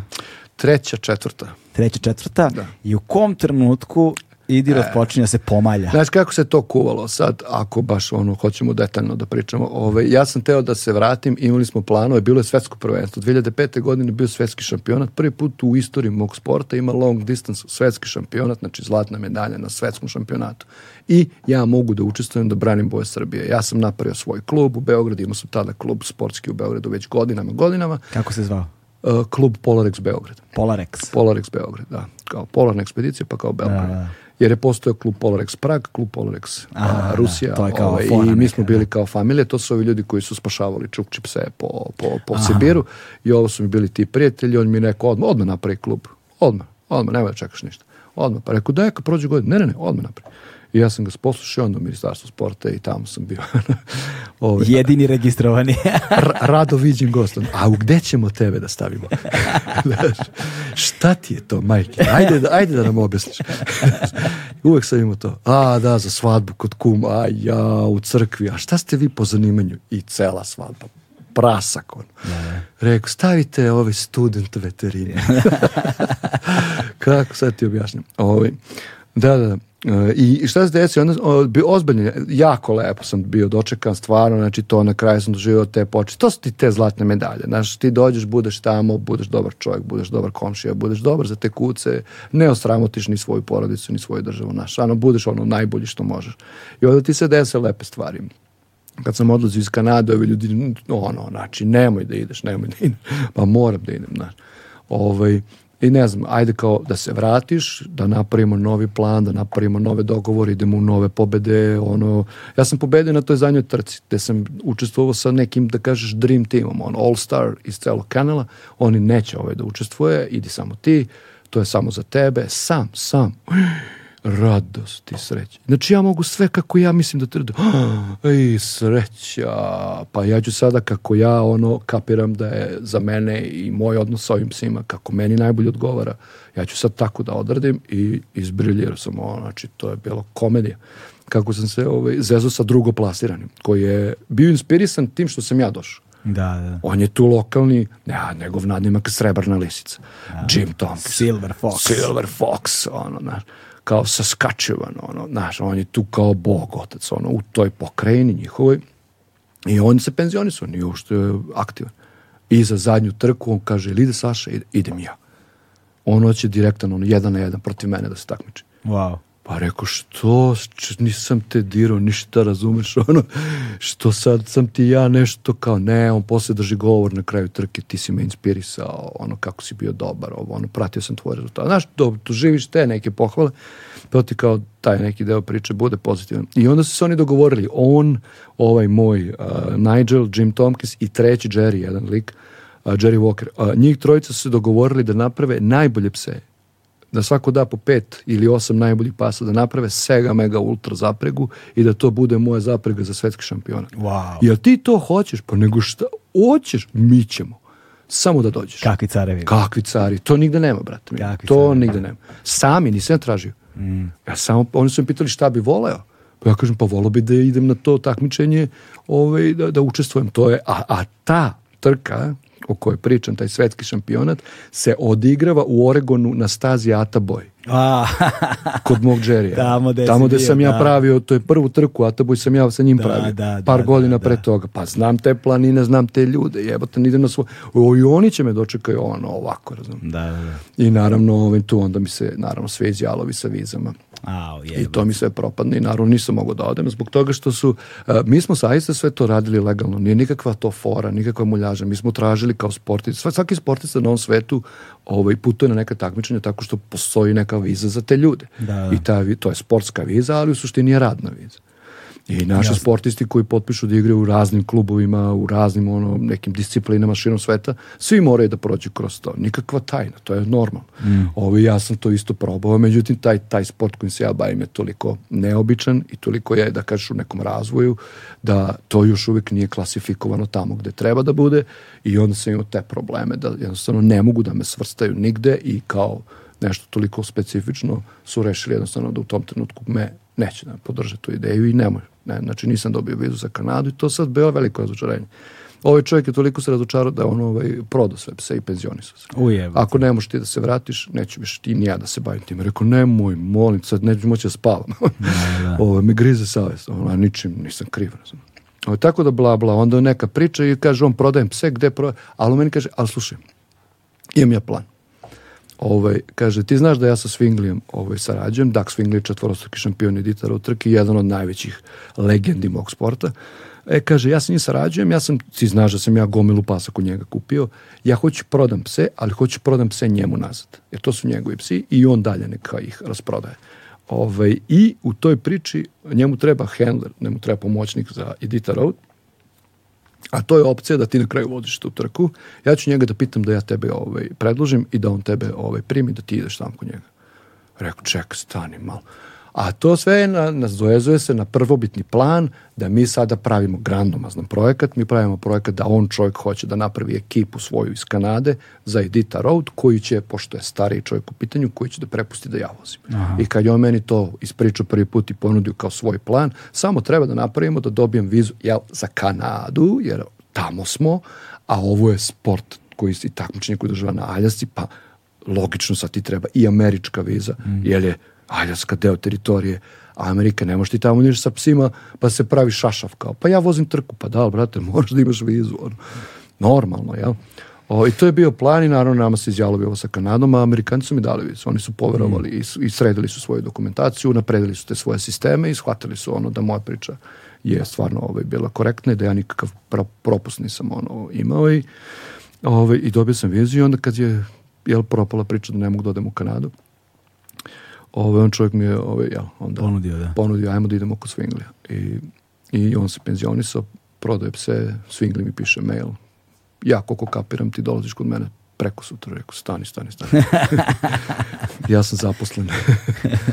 čekaj, čekaj da prvo ovaj, rešim pitanje u firmi. A ja u firmi koju sam radio, to je bila neka internacionalna ovaj, ovde firma Help, nemačka humanitarna organizacija pomagala narod ovde u Srbiji ovaj, i sad izbjeglice i, i tako dalje i e, dosta internacionalnih ljudi oni su svi znali ko je Saleh Haski kad sam samo rekao je ljudi ja treba da idem da vozim Edita Road sve vas voli i pozdravlja da, da, da. Ovaj, nema nikakav problem sve je podrška maksimalna jasno, čast. jasno, jasno. I, I tako, sam, od, e, tako sam stigao kod njega i onda sad to prvo jutro stigao sam u noć Ove, a naravno Montana je zaista neverovatno lepa. I stigao sam u noć, on me sač... baš me on čekao, mogu da pošalje nekog.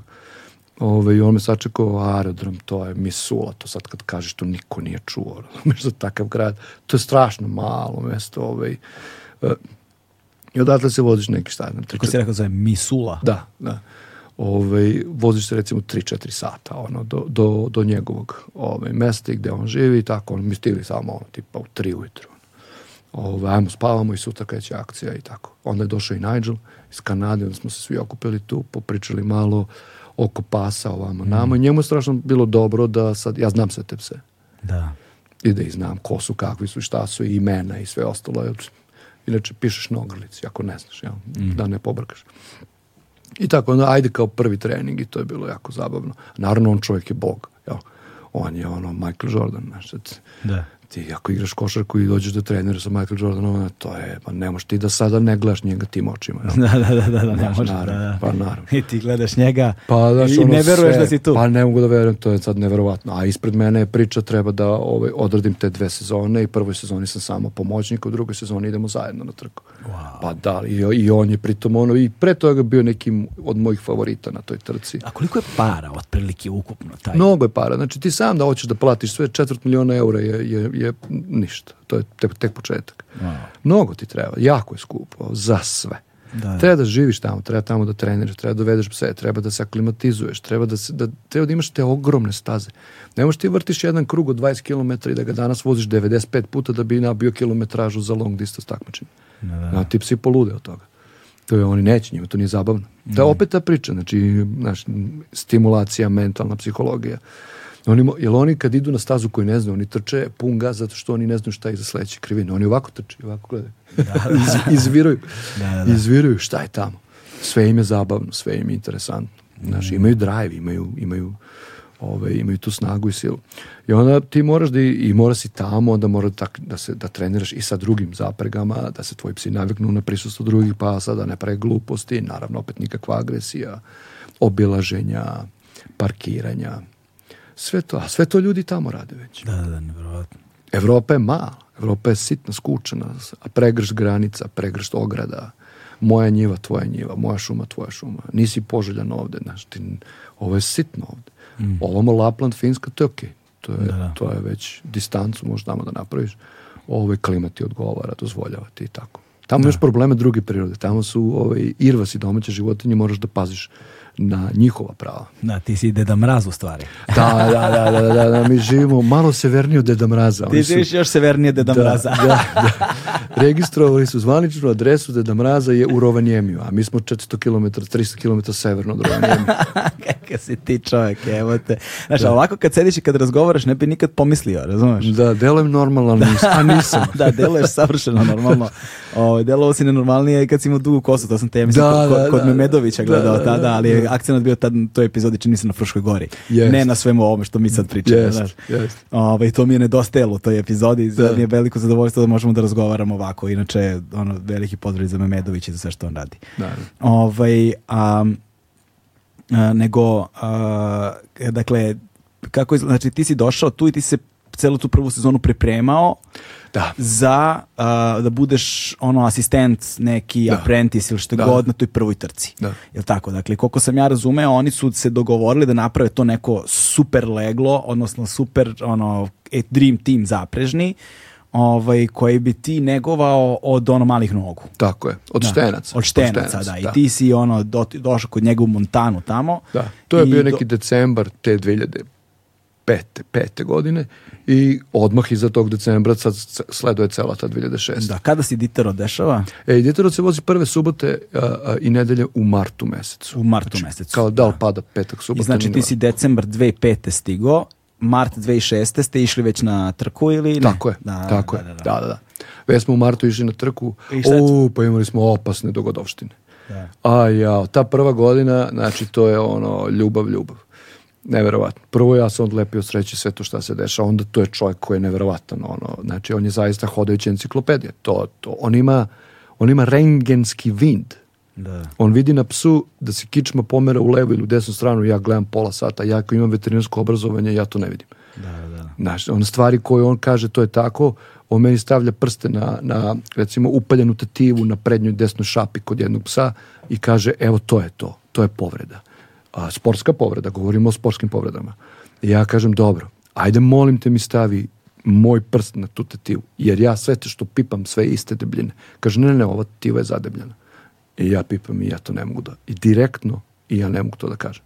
Ne, to je nevjerovatno, to je nestvarno. Šta, taj čovjek zna i šta me naučio, to su stvarno, to je neverovatna priča. Zaista e, nemam, nemam im vremena za to. E, a i odlazi, idemo mi na trku jednu. Ne, u stvari ovako, kazi, on da bi napravio svu, sad je, on je veoma zajeban lik, on je ono, kako oni to kažu, veoma koki, da, da, da znaš, da, da, da. ovaj, e, veoma je on, nadobudan, nadobud, ono, da. obezobraza, da, da, da, da. nevaspitan, seljačina, ona najgora na svetu. E, takav je u očima takmičara drugih i sve to. A naravno, ja živim s njim u istoj kući, mi jedemo ono za istim stolom, mi jedemo istu hranu iz istog frižidera, isti lonac, isti ručak, sve je kao porodica, kao kapiraš, šta, da. ne, da. to, to je totalno druga dimenzija, drugi odnosi, razumeš? Da. Ovaj, I naravno da on sad nije pred tobom takav, mm. razumeš? On je pred tobom onakav kakav je stvarno u svom privatnom životu, jel? Mm. Ovaj, nema sad više te barijere. I kao treba da ide, ne znam, na jednu od tvojih pripremnih trka, ja zbog obima ono, treniranja i mm. posla ostajem u kanalu, a njegova tadašnja supruga Melanie odlazi sa ovom jednom drugom devojkom koja je tu od pre godinu dana, ona sad ove godine vozi Dita Road, ona je isto Hender, ona je isto pomoćnik, ona ima već odrasle te štence koju sad jednu godinu, ona sa njom zajedno ide na neku trku u Wyoming, jedna od najlepših trka takođe, a kao ja ću ostati kući, ja sam najodgovornije lice kome najviše može se veruje i da ću da nastavim da treniram ovo što je rehabilitacioni tim, plus neki tim mojih pasa i još plus nešto i da brinem o celom imanju. Oni imaju i konje i šta ja znam, i kućne pse i tako. I rekao, cool, važi. I sad ono odlazi, on nađe nekog lika koji će da mu bude handler samo za tu jednu trku na Aljaci. To je trka koja je jako poznata. Ona je 500 milja, 500 km, 300 milja, ali ona je kao najbrža trka na svetu na 500 km. Dolaze svi top, top, top timovi da se provere pred Edita Road, a da provere malo da on, onjuše konkurenciju, malo da bace oko, a plus da ove svoje pse spremaju, jel da ipak brzo pređu 500 km, da sad znaju šta ti psi mogu. Da, da, neka ovaj, sprint trka. Ono. Da, da, ono brutalno i to je po nekoj zaleđenoj reći, onako zajebano, pa stvarno ono, baš je teško. Elem, on odlazi tamo, minus 70. Wow, vrate, minus 70. Zove on, kaže, ovde, jel sve u redu jeste, kako kuce, kako, kao, jesi ti dobro, da sve, sve, imate struju, imaš hranu, sve, bla, bla.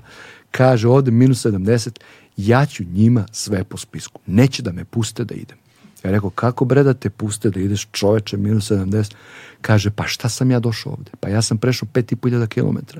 Pa sam ja došao ovde da sedim, da gledam i da mi psi ovde se goje i tove u automobilu ili da idem na, na prokletu trku. Pustite me, da idem na prokletu trku.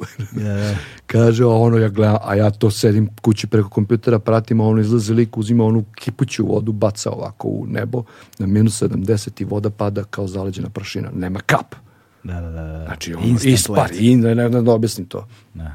Znači zima, sačuje Bože, apsolutno nikako ne možeš da, da ti kao organizator odgovaraš za zdravlje tih životinja i tih ljudi, mm. to ona nema šans.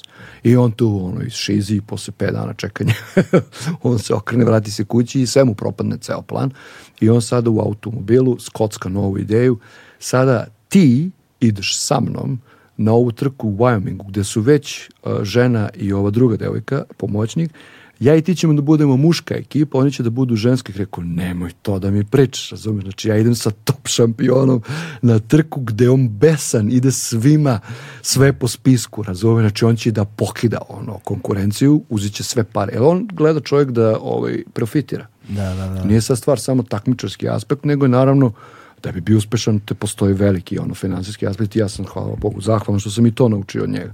Da, da. Ove, ovaj, I za... nagradni fondovi. Naravno. I on zato hoće da pobedi, a ne, što je, nešto ono. Ovo, ovaj, jer treba hraniti sve te pse i tako dalje. I sad, eto, tako sam otišao ovaj, sa njim na tu trku i u, ja sam zapravo bio jedan pomoćnik koji je imao na trci tri, tri ekipe. Da, da. tri ekipe i nist, ja, to je jako teško to je mnogo teško. Ti ispraćaš jednu ekipu, pomažeš sve, ajmo čizmice, ajmo pse, ajmo amove, ajmo zapregu, ajmo ovo, sve, sve. sve pa, ih ono, sve. pa ih ono pustiš na stazu, pa trčiš nazad kako te noge nose, jer ovaj sledeći. Mi smo gledali kad smo izlačili startna vremena da budemo kao da ima lufte između po barem 15 minuta, 20.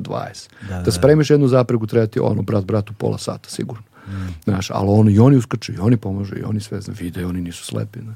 Pa onda kad se sve to vrati, daj, spremaju opremu, pa pegle one sanke, pa voskove, pa one skice, pa danas je sneg vlažan, sutra je sneg suv, treba drugi voz, treba, ja, svačega, mnogo sinomog naporno, ali uživancija neviđena. I on se takmiče, napravi ekipu, on kaže ženi, vidi, sad ćemo ovako napravimo, ti ćeš da voziš top, pošto si manje od mene, ovo je planinska staza, i lakše si od mene i ti ćeš sa njima da letiš uzbrdo nizbrdo i ti ćeš da razbiješ konkurenciju, ti ćeš da budeš prva.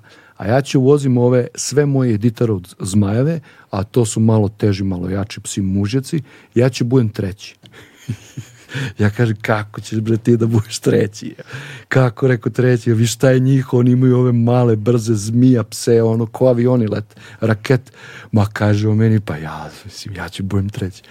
I ovaj zadnji dan, on je četvrti u generalnom plasmanu i stoje ovako i gleda i kaže ovi psi se plaše mene. Ovo, ovaj, ovaj takmičar koji je treće plasiran i se plaši mene. Kaže, sad da vidiš, sad ću da ga... A ono, nemaš ti tu malo, zadnji dan je samo onako malo ceremonijalno. Nemaš dovoljno, nemaš dovoljno kilometra da to vreme Stigneš. nadoknadiš. Znaš, ne. kako je on ga razbio. Ove, ovaj, I tako gleda, gleda, ono, vide neke stvari, to, to, je to iskustvo, znaš, mm -hmm. to je mhm. stvarno fantastično. I onda sam sa njim posle naredne godine. I te godine sam išao da budem pomoćnik ovaj na, to je bilo ovo, sve bilo u februaru. Onda je došao mart kad smo ovaj, otišli svi zajedno. Ja, to je mnogo smešno šta ti sada? Šta ti je birokratija, vidiš? Ove, ovaj, ja nemam kanadsku vizu. Ja ne mogu da putujem kroz Kanadu. Ja moram Kanadu da preletim. sad oni svi idu kolima. Da, I da. klaj, klaj, klaj, klaj. Nedelju dana voze ono. Gore do Aljaske, šta znam, 5 dana. Sa psima, da. Sa psima. A meni kupuje vinsku kartu. ja letim direktno tamo. Tamo me dočekuju, rekao ja kao gospodin. Ono. Mm. Stižem na lice mesta, ono kao ključna figura. Ovaj, tako da sam tamo, njemu, bilo mi jako zabavno. Ovaj, brinuo sam o psima koji ostaje, ti ne voziš samo 16 pasa koliko je tvoj editor od ekipa, ti voziš više, ti u startu prijavljaš za učešće 18 pasa, to je minimum, a plus imaš fora još 4. Mm. Znači ti imaš 20 pasa, možeš da prijaviš i da ti pomogne, imaš ceremonijalni start i ti možeš recimo na ceremonijalni start da bereš neke pse koji neće trčati trku da ih ne izložiš nepotrebnom stresu. Jer to je ogroman stres. Recimo, ljudi ne shvataju, a, psi se razbole na, trk, na takvim trkama od stresa, a stres je, ovaj, ono sve se izražava kroz stomak. Mm -hmm. I dobiju čireve, a, prolive, povraćanja i tako. Sve to zbog uzbuđenja. Mm. Od te histerije, od tog, znaš ludila što je to trka, psi su za, oni zaista hoće da se trkaju. Mm. Ti ne možeš da pobediš ako neće tvoji psi da budu najbrži da pobede. Jel? Da, da. Moraš da ih inspiriš. To je mnogo dobro, to je mnogo lepo. Wow. Taj deo priče. Potpuno, Neko si, pomenuo si malo pre jednom trenutku da kao on ima na svom imanju svašta i konje i kao kućne pse. Znaš. Ja sam imao da li se kućni psi i ovi psi sreću? Pa da, Da, njegovi kućni psi su od a, njegove supruge koja je njih a, radeći kao veterinarski mm. ovaj a, volonter i pomoćnik, ona je njih usvajala. To da. je da. to je ta klasična priča, ono kuca u problemu, žao joj, da. ajmo kući. Da. Posle da, toga, tako smo Milaru svoje pa, isto, da. znaš, ali je, ali me e, zanima... E, oni se susreću, naravno, i jedan od glavnih tih kućnih pasa je bio Elmer, Elmer je tada imao 17 godina, Elmer je izgradio, izgradio to kraljevstvo, to je taj top, top, top pas. Mm. On je jedini oni dobiju neku posebnu nagradu. Ti psi koji završe editor od kao pobednici, u principu uglavnom budu iz pobedničke zaprege. Odabere se jedan ili dva specijalna psa svake godine koji dobiju posebnu nagradu koja se zove Zlatni Imaš tu trku Edita Road, ima ta nagrada Zlatni Pardon, ima jedna trka eh, Yukon Quest, tamo ima isto Zlatni I sad, ova trka je prestižnija, mnogo više ekipa, ova trka je mnogo više hardcore. ova je mm. Yukon Quest. I sada u pedigreu mojih pasa su otac, majka, baba, deda, pradeda, čukundeda, sve zlatnja. Mm. I to su sve swinglipsi. Ja, ja naravno on meni dao kucu odmah, odmah mi dao štene. Znači ja sam dobio ono, bio sam znači štence za moj od tim i ta grupa pasa koliko ih je bilo 20-30, e, jedna ova prva po kvalitetu sledeća koja nije prošla tu selekciju, jel hoćeš na poklon? Kako neću, ono. Da, da, da. Ne, ne mogu da ono, verujem šta mi se dešava da ti meni daš na poklon ono, tako vrhunskog psa. Kad mora se nađeš na pravo mesto u pravo vreme, znaš da, da znaš, kad to je kao šta, kako ljudi nazivaju beše sreću, kada se priprema i prilika sretnu. Celog da. života si se pripremao i kad se otvorila prilika ti si pokazao šta znaš. I, i bio si tu. Da. Bio si tu i da. ljudi su te prepoznali, znaš, neki ljudi se upoznaju, neki se prepoznaju, znaš. Da, i, I ljudi su te prepoznali i, znaš, ti si to zgrabio i evo, znaš, zato sad sedimo ovde i pričamo. Ovaj, pričao si na početku, smo kažem, skrenuli malo s teme, pa si ti unapred pričao o, o, o, o, o editoru od trci. Ovaj, pomenuo si već dosta toga, a, ali ono što mene sad zanima jeste ti si tamo proveo, dakle ti si u cugu proveo, dakle kad si otišao 2005 do kraja te trke 2007. si sve vreme bio tamo? Nisam, ne, ne, ne vraćao sam se. Ovaj. Da, znači, opet je ta priča, imam 8 meseci kao takmičarski. Da, da, da. Tih 8 meseci su pripreme, treninzi, što moraš da radiš mm i posle toga imaš tih a, zimskih četiri meseca koji su trkački deo priče. Mm -hmm. Trening četiri meseca, trkanje četiri meseca. I imaš pripremne trke, kraće trke, malo duže, mm -hmm. srednje i onda imaš te najveće trke. Da. I najveća trka je u mom sportu Editarovu. Mm -hmm. u prvoj polovini marta. I sada, to je totalno sve ok, kad se završi Dita Road, tu imaš sad i te ceremonije i vamo namo završetak trke i sve to, povratak nazad i to ti je to, to ti je sad april i to ti je osam meseci. Da, i, ti, Ove, ovaj i onda kakav je to moment kao sletiš na aerodrom. Pa dolazio sam ovdje u Beograd, ono, znaš, sa kucom i tako. Da, ali do, dođeš ovdje u Beograd i kao odjednom, ono, ljudi nemoj pojma čime se baviš, znaš, kao, da, niko te to, ne razume. To sam imao neki, kao da kažeš, drugačiji osjećaj sam imao kad sam završio Ditoru od 2007. Mm. Kad sam došao kući i oni ljudi kažu kao zaista ono, kad završiš tu trku, ako si bio uspešan, ako nisi doživao neki krah, ovaj, da ono, znaš, osjećaš se kao, oni kažu to na engleskom jeziku, kao da možeš da pljuneš tigru u oko, kao da, da, da, se, da, da se ne plašiš ničega, da si prevaziš od strahove, da si prevaziš od neke te opasnosti, da imaš mnogo samopouzdanja, da imaš ono mnogo smerenosti u nekim mhm. traumatičnim i dramatičnim situacijama i šta ja znam. I tako se osjećaš stvarno, ovaj, sećam se jednog dana da sam tu šetok, Knez Mihajlovom i da sam pomislio kao, bože, gde sam bio ono, do pre, par nedelja. Ono. Da, da, da, da, da, da, da, taj, taj, taj, I osjećao sam se drugačije. Taj wow moment. Da, kao wow. Kao, da. A da, tolike godine si sanjao o tome, znaš.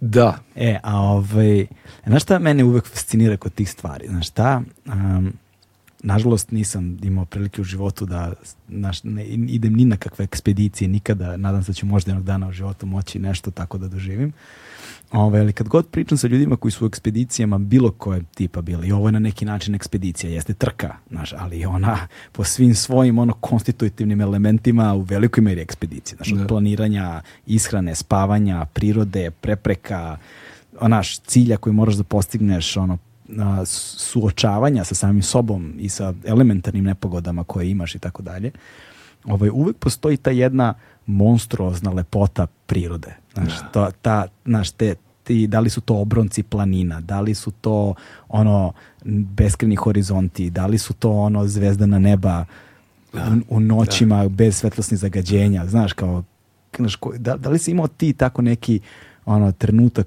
na u tim pustolovinama, naš, na tim trkama ili prevashodno naš, na editor rodu gde ono, noć si negde, naš, spavaš sa psima, ovaj, znaš, sam si, nema nigde nikoga, znaš, kao, kako to izgleda? Pa na startu trke. Mhm. A,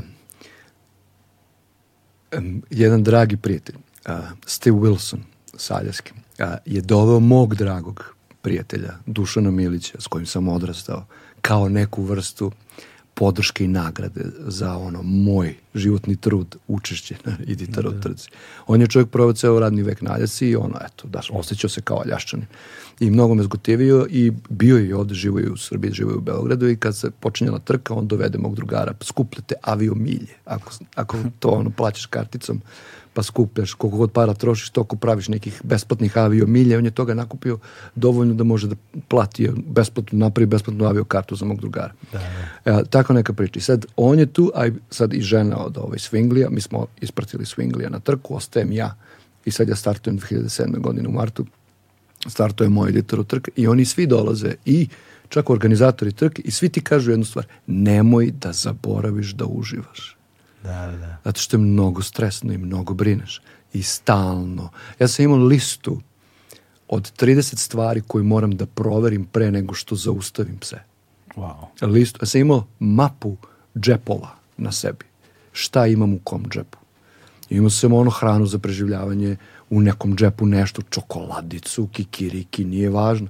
Imao sam sa sobom uvek prah, uh, Gatorade, na primjer, energetsko napiće, ali ne ovo što se danas zove energetskog pića. Ovdje imaš dosta minerala i ne, nešto, mm. mrvicu vitamina. Oj, ovaj, bla, bla, i tako neke stvari. I sad oni ti kažu, nemoj da zaboraviš da uživaš. Rekao, ko je crno posle par dana? Ko je crno uživanje? Ko može u ovom da uživa? Još sam se ja dobrovoljno prijavio da se ovako mučim i patim. Mm. Ti prvi dan presaviš leđe da stavljaš te uh, zaštitne čizmice na psima. Drugi dan manje više. Treći dan na kolenima. Česti ti posle 5 dana ti ležiš dole sa njima i polu snu im stavljaš te šavete. To, ti si toliko preforsiran i premoran. A zamisli, to je 2000 km truckanja, sve to tvoji zglobovi. Ja. A ja sam imao, kažem ti, 400 km nema snega uopšte. Da. Nema. Tu mi je eksplodirala kočnica. Ne smeš da kočiš. Aj sreće, pa sam ih ja naučio easy, easy, easy, pa oni malo, malo, ono samo, ono, mikro, ono, uspore. Znaš, to je ludilo. I ja naravno ima tih trenutaka kad ne očekuješ kad ti unapred to sve tražiš, znaš, to nije to. Nego ti se desi ono kad ne plane. I tako da se, recimo, Yukon, reka koja je okromna reka Aljaška, deo jel, ove staze ide i tom rekom. I sad taj jedan deo je huh, oko 300 km. Ove. I to opet pa notorna priča da tebi uvek kad izbiješ, jel, ja sam vozio južnu rutu koja je mnogo zeznutija, jer ide kroz taj uh, ghost town, taj grad duhova koji ne postoji više, koji se zove Diderot, gde su ljad, zaista ono bile te velike iskupine zlata tih mm. 1900. godina. Ove, ovaj, I onda ideš sa, ta, sa južne strane, ove, ovaj, penješ se kao ka severu Jukon rekom i kažu da ti vetar uvek duva u lice. I da je jako naporno i da je to za pse zaista istrpljujući i za ljude i da je to baš veliki izazov, teško jako. Ove, ovaj, ja sam imam sreću, nije bilo vetra. Da. I, ali sam vozio to To su bile neke velike deonice, nešto tipa, ako se dobro sećam, po 11 sati Uf. u kontinuitetu. I onda sam stajao, hranio, stajao, hranio, stajao, ali nismo odmarali ono top top, nego smo ajmo dalje, ajmo dalje. I smo to nešto tako nam je ispao neki program. Ove, ovaj, to su malo bile ono najduže kao te neke etape koje smo imali. Ove, ovaj, I tu je drugog dana, pošto to loži celu noć, pa onda ih pustiš da dosta odmore, pa ovaj, da se, ovaj, da se naspavaju, da se naklopaju, pa onda opet voziš celu noć. Tako sam ja to nešto kao u dve noći i onda ta druga noć, minus 35, kad je to puklo, aurora. Ja volim strašno ja, ovaj, na aurora polarnu, borealis. Da, volim polarnu svetlost strašno. E, onda me to dočekalo i to mi tačno osvetlilo, tamo idem nek, ima nekog grad, zove se Kaltag, i to se tačno pružilo ka, ka Kaltagu. A ti umor, a nikad stići. I sad ti u, na horizontu vidiš svetlo od nekog sela, grada i ti kao, jao, evo ga dva sata kasnije ti i dalje vidiš na horizontu to svetlo, pa da li je moguće, sad ja ti haluciniraš, znaš. Ljudi na kraju editarov trke, ovi koji se takmiče za pobedu, ja naravno, moja priča je potpuno suprotno, ja sam bio skroz pozadi, znaš, ja sam vozio pse koji su jednu i po godinu stari. Mm. Tu nema nikakvog brzanja, nema nikakvog forsiranja, naprotiv, puno odmora, no, lagani tempo, 10 milja na sat, bla, bla. Uh, ovi, ovi koji idu na pobedu, oni završe trku za 8 dana. Za tih 8 dana, ovaj koji je pobedio, on je spavao za 8 dana oko 8 sati. Ujebote. Ti sad, da misli, tu koliko je to teško. Ja sam jednom u životu nisam spao 3 dana i 3 noći i i borio sam se, ono, mislio sam da ću da umrem. Ove, ovaj, da. A sad zamisli ovo. I sad pritom ti ne praviš greške, onda ne gubiš ono razum, onda eh, donosiš odluke koje su prave, Tako je lako napraviti grešku. Jel? Mm. Ove, ovaj, onda ti misliš da si ti promašio stazu, onda preispituješ sve odluke. Nije taj pas trebao danas da bude lider, zajevo sam se trebao, ove, ovaj, kako sam glup, bože, dragi, šta mi je. Znaš, ono, hiljadu tih nekih ovaj, da dovodiš u pitanje sve živo, da znaš. Da, pa mislim, mnogo si umoran, neispavan si i sve ti počinje da biva, ne, znaš, ono, nije realno wow. ove, i neke iracionalne greške i tako. E sad ti ljudi su zapravo ono zaista zmajevi koji mogu kroz to sve da prođu ove, i da ne naprave gluposti. Znaš. Da. Ove, a kažu mi ljudi ono pričaju sa čovekom na drvetu ono i tako, znaš, haluciniraju, razumeš. Ne, to je još čuju, jedna... čuju ono zvukove. Da, to, je da. još jedna zajedni, to je još jedan zajednički element svim ekspedicijama i svim ljudima koji su bili na ekspedicijama koji su mi govorili, posebno planinarima o tome da ne govorim. Da, da, da. da. Ove, ovaj, hipoksija je strašna stvar. Da.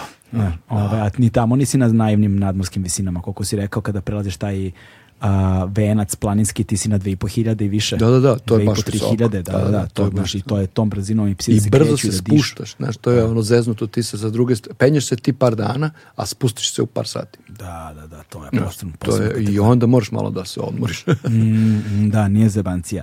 E, i ovaj, ti se vraćaš sa Edita Roda, ovaj, Edita Roda se vraćaš ovde i ovaj, 2007. godina, tako, 2008. Jeste, da, 2008. I re, kažeš sebi, dosta je bilo života u gradu, ode ja odavde. pa da, pa nema, definitivno gotovo je sad. sad naš, naš, kako, tog iskustva, posle tog iskustva ne možeš više nema da nazad. čekaš tramvaj na ono, nema zeleno vencu. nema nazad, ne, ne, ne. ne. Sorry, nema tramvaja na zeleno vencu. Da. ja samo sam lupio. Da da, da, da, da, da, da, da, da, Čekam autobus na zeleno vencu, kao naš, idem, idem preko Brankovog mosta u gužu i držim se za šipku i klaj, klaj, klaj, klaj, da, da, da. znaš, slušam ljude kako urlaju jedni na drugi, ono. Kaos. Ne, ne, ja sam, ja sam ono, živo sam ja u centru grada, imao sam svoj stan, imao sam svoje auto, imao sam, svoj, imao sam posao, bio sam ono kvalitetno plaćen, to je kvalitetan posao, nema čovjek da. zašta da, da se požali nikad u životu. Da, na papiru. Da, da, da, stvarno realno, ali to nije, to nije, mene to uopšte ne interesuje mm. i ja sam to sve Ove, ratosiljao se svega toga, naravno korektno i pošteno, ono, završio svoju radnu priču na tom mestu i tako dalje. I otišao dalje. Znaš, ne mogu toga. Ja, mene to, taj život me apsolutno ne interesuje. Da. Makar nemao, ono, leba da jedem. Da. Apsolutno me ne Uopšte plan B, kakav plan B? Da. Kakav plan B? Pa ti, ti bi, pa mislim, ja pričam s mojim drugarima već, već 15 godina mi pričamo o, o povratku prirodi, o odlasku van grada. Hoćeš bre čoveče, gajiš zdravu decu, moraš da odeš odavde. Znaš, pa vidi ko je ovo ludilo, mravinjak. Da. Ko, ja sam, ja sam odnosno na ovom Beogradu, ja znam šta je soliter, ja znam šta je zgrada, ja znam šta je... Živo sam na najdužoj zgradi u Beogradu. Znaš, ja znam šta je mravinjak. Ko je najduža, onaj golubarnik, ne, šta je? Ja nemam pojma kako je zovu, ali ono kad... Televizorke ili kako Kad prođeš kineski zid, pa tamo neka sledeća, pa prođeš, pa tamo neka sledeća, a da. ovaj... Nema veze, znaš, je sve cool i svako ima svoje, nemam ništa protiv, ali meni to ne odgovara i zaista ja želim da živim, da imam bre čoveče parče zemlje svoju kuću i neću prvo komšiju. Da, da, i neću prvo komšija. I da, neću da. prvo komšija, hoće mi prvi komšija bude ono veverica i ptičica. Ono. Da, da. Kako si našu ženu koja će da te trpi takvog? A što svi to pitaju? pa šta meni fali? Ovi, Mora da bude neko isti kao ti. Tak, pa naravno. Da, da sa pa istim pa, naravno, potrebama, pa, sa da. istim... Da. E, pa, na, da, i to, ove... su, ovaj- to su uvek srodne duše, to Ma, su uvek ljudi to, znači deliš, deliš neki život koji je zajednički i deliš neku, to je znači potpuno da. slična, to da ne kažem, zapravo, da. vrsta da. posvećenosti, mm. zainteresovanosti, ljubavi prema životinjama, prema prirodi i tako dalje. Da. I čekaj, ti odlaziš... Jadni naši roditelji, to je druga priča. Da, da, da, da, da, nego, to sam teo, odlaziš, uh, kad, si, kad ste otišli na Frušugoru? 2008. Naš... sam ja to nešto kupio i izgradio devete. Prodao si ovde sve što si da, imao. Da, da. Prodao, kupio si tamo. Da, da. Da. Ove, i traže, naravno sad sam ja tražio kraj gde ja mogu pravim dugačke staze ovamo namo, pošto sam poslovno bio ovaj, usmeren na Frušku goru mm -hmm. pre toga godinama, tamo sam ovaj, dosta obilazio taj kraj, taj reon, pa sam poznavao i, ne znam, staze i ljude i mesta i naselja i onda sam našao da to nešto može da se desi. To je neko selo Manđelos, mi smo ga naravno prozvali odmah Los Manđelos, ovaj, ili ti Lost Manđelos, ili mi smo sad Manđelino Boys, ili kako god hoćeš. Da, svašta. Beo Beograd i pokosta da. tebi. da, da, Tamo smo, ovaj, i dobro, sad i taj moj drugar je tamo isto, ovaj, ima kućicu, vikendicu, pa onda ja u blizini, pa onda, znaš, onda neki uspešan fotograf iz Beograd Beograda tamo opet našao. A i tako sad, to sad ide priča dalje. Ono. Ima da. ljudi koji su tu negde sličnih ove, mhm. rezona i shvatanja. Ove, pa ti, eto. Koliko i manje tamo? Pa to nije, ne znam, to nije sad veliko, ne mogu da ti kažem, nije ni malo. Da, da. Nije ni malo, izvini, ja sad malo sam se zatekao ove, da ne lupim 42 ara, ali možda je to mala cifra, možda je prevelik, izvini, ne znam. Da, da, nema veze. Ali, nema. ali e, okay, ono, odlično parče zemlje. Pitan zato što si ti tamo zapravo rešio da uzgaš pse. Da se da bavim, ti... da napravim haski centar, da Tako se bavim je, da. sportom, da se da imam školu sporta, da dolaze ljudi kod mene na male vožnje sa kucama, naravno, naravno zimi, jel? Jasne, jasne. Akcenat je na zimu onda ovaj, Srbija je mala zemlja, realno gledano, mislim, mi živimo u Srbiji, to je mala država, ima par nekih vrhova koji su jako lepi, ima Tara, ima Kopaonik, šta ja znam, ono, to je nešto tih Pešter, bio sam na Pešteru, od tih krajolika koji su atraktivni za vožnje sa haskima, pa sam imao neku ideju da bi mogu i tako nešto da radim. Međutim, nešto se sa nama to, ovaj, ok, imali smo super start, bilo je sve lepo, funkcionisali smo, imali smo 20 pasa, dobili smo dete, sve super. Ovaj, naravno, i našli smo mehanizme kako da to prilagodimo i da to funkcioniše. Nismo imali mnogo slobodnog vremena, bili smo ovaj, posvećeni i zauzeti, ali opet smo jel, sami sebi birali radno vreme i tako mm. dalje. Ali nas se, klima se promenila. I mi smo prve godine praktično uprezali pse u našem dvorištu u saprege sa sankama. Prve godine. Druge godine, prve, prve druge zime smo imali a, smet koji nas je mi smo se uvek šalili, nije, nismo mi odsečeni od sveta, nego je svet odsečen od nas. Znači, mm. tako smo ove, ovaj, gledali svog ugla. da, da, da. da. I bili srećni. Da Život počinje i završava se sa nama. da, mislim, ono, mi smo ovde, nama je super, a tamo svet je odsečen. Da, da, oni su u problemu. da, oni su tamo dole u nizini. Ove. Ovaj. Nego, e, bilo je dovoljno snega, bilo je baš ono lepa. Ništa to nije dovoljno, ovaj, treba još, ali je, da kaš, barem nešto. Ove, ovaj, I onda se naravno to sve promenilo.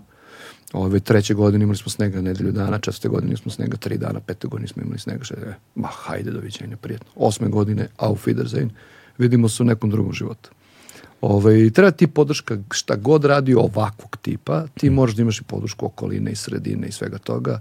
Ja nešto to nisam proti, kažem ono, prve komšije uvek. Znači, prijatelji, poznanici, uvek to je podrška. Znaš, on, koliko dođe volontera, mi pravimo trku na Fruškoj gori, koliko dođe ljudi, komše koji ne znaju ni šta je haski, ali njima je to sve zabavno. Ja. Da. Meni, meni puno srce, meni drago, mi se smejemo, vel, mm.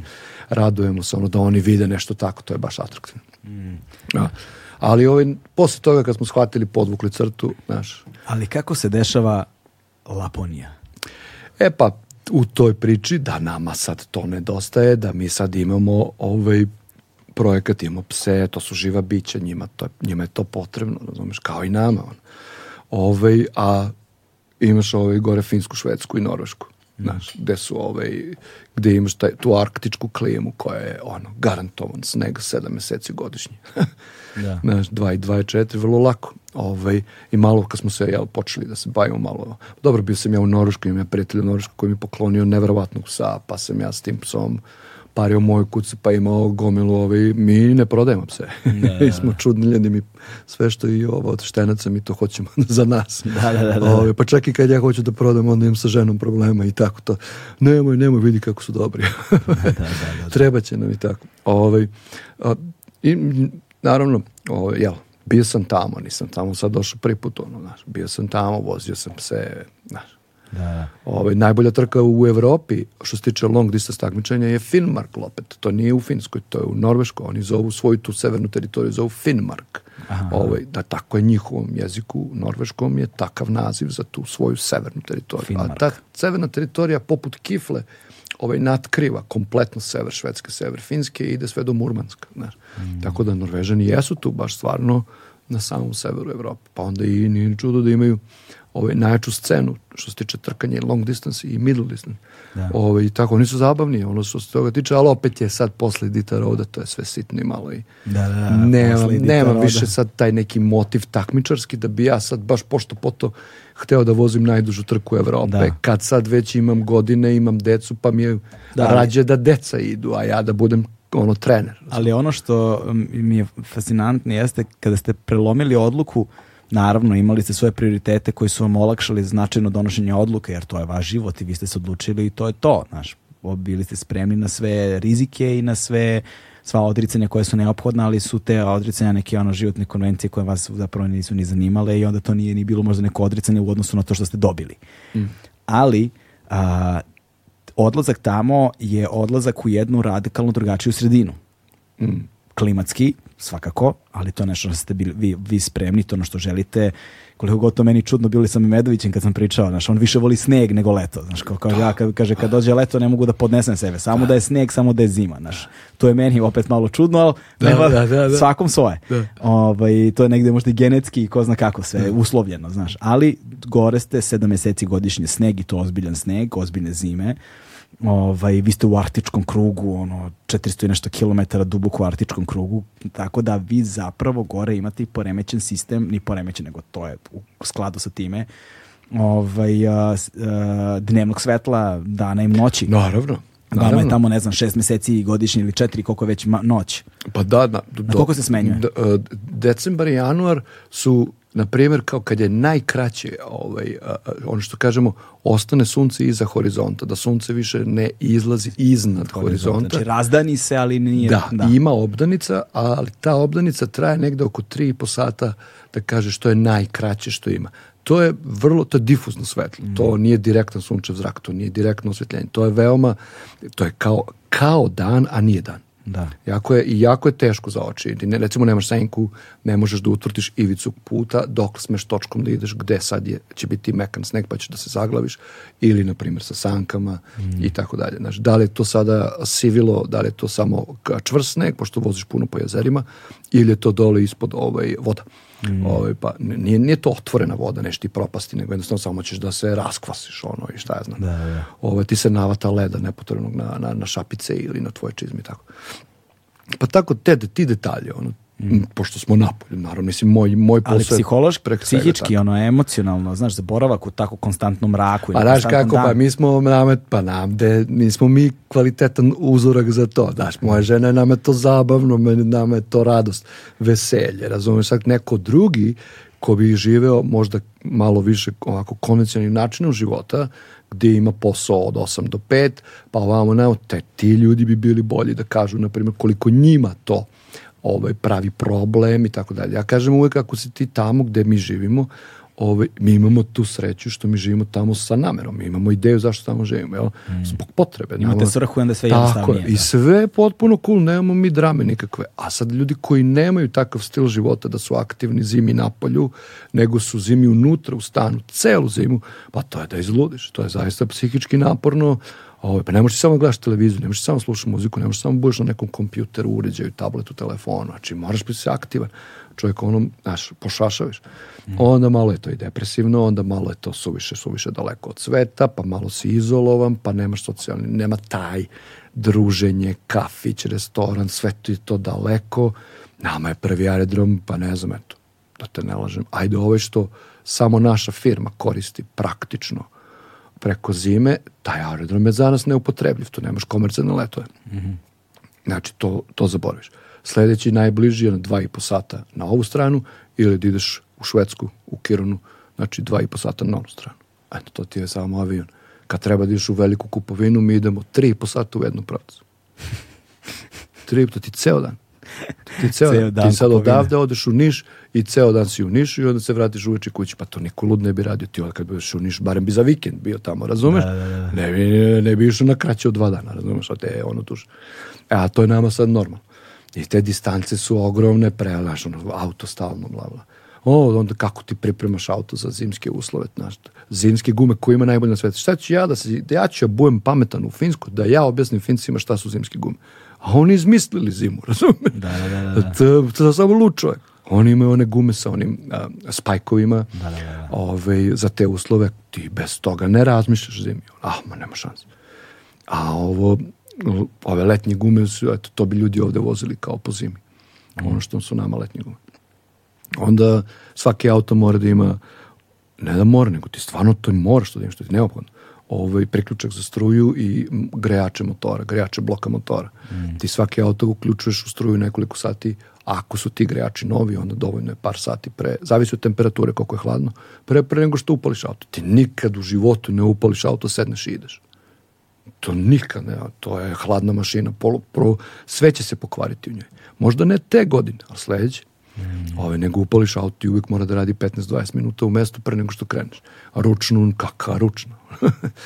ručna se ne podiže. Pa ne, to, to, u autu nalepiš nalepicu, nemoj dirati. Ne.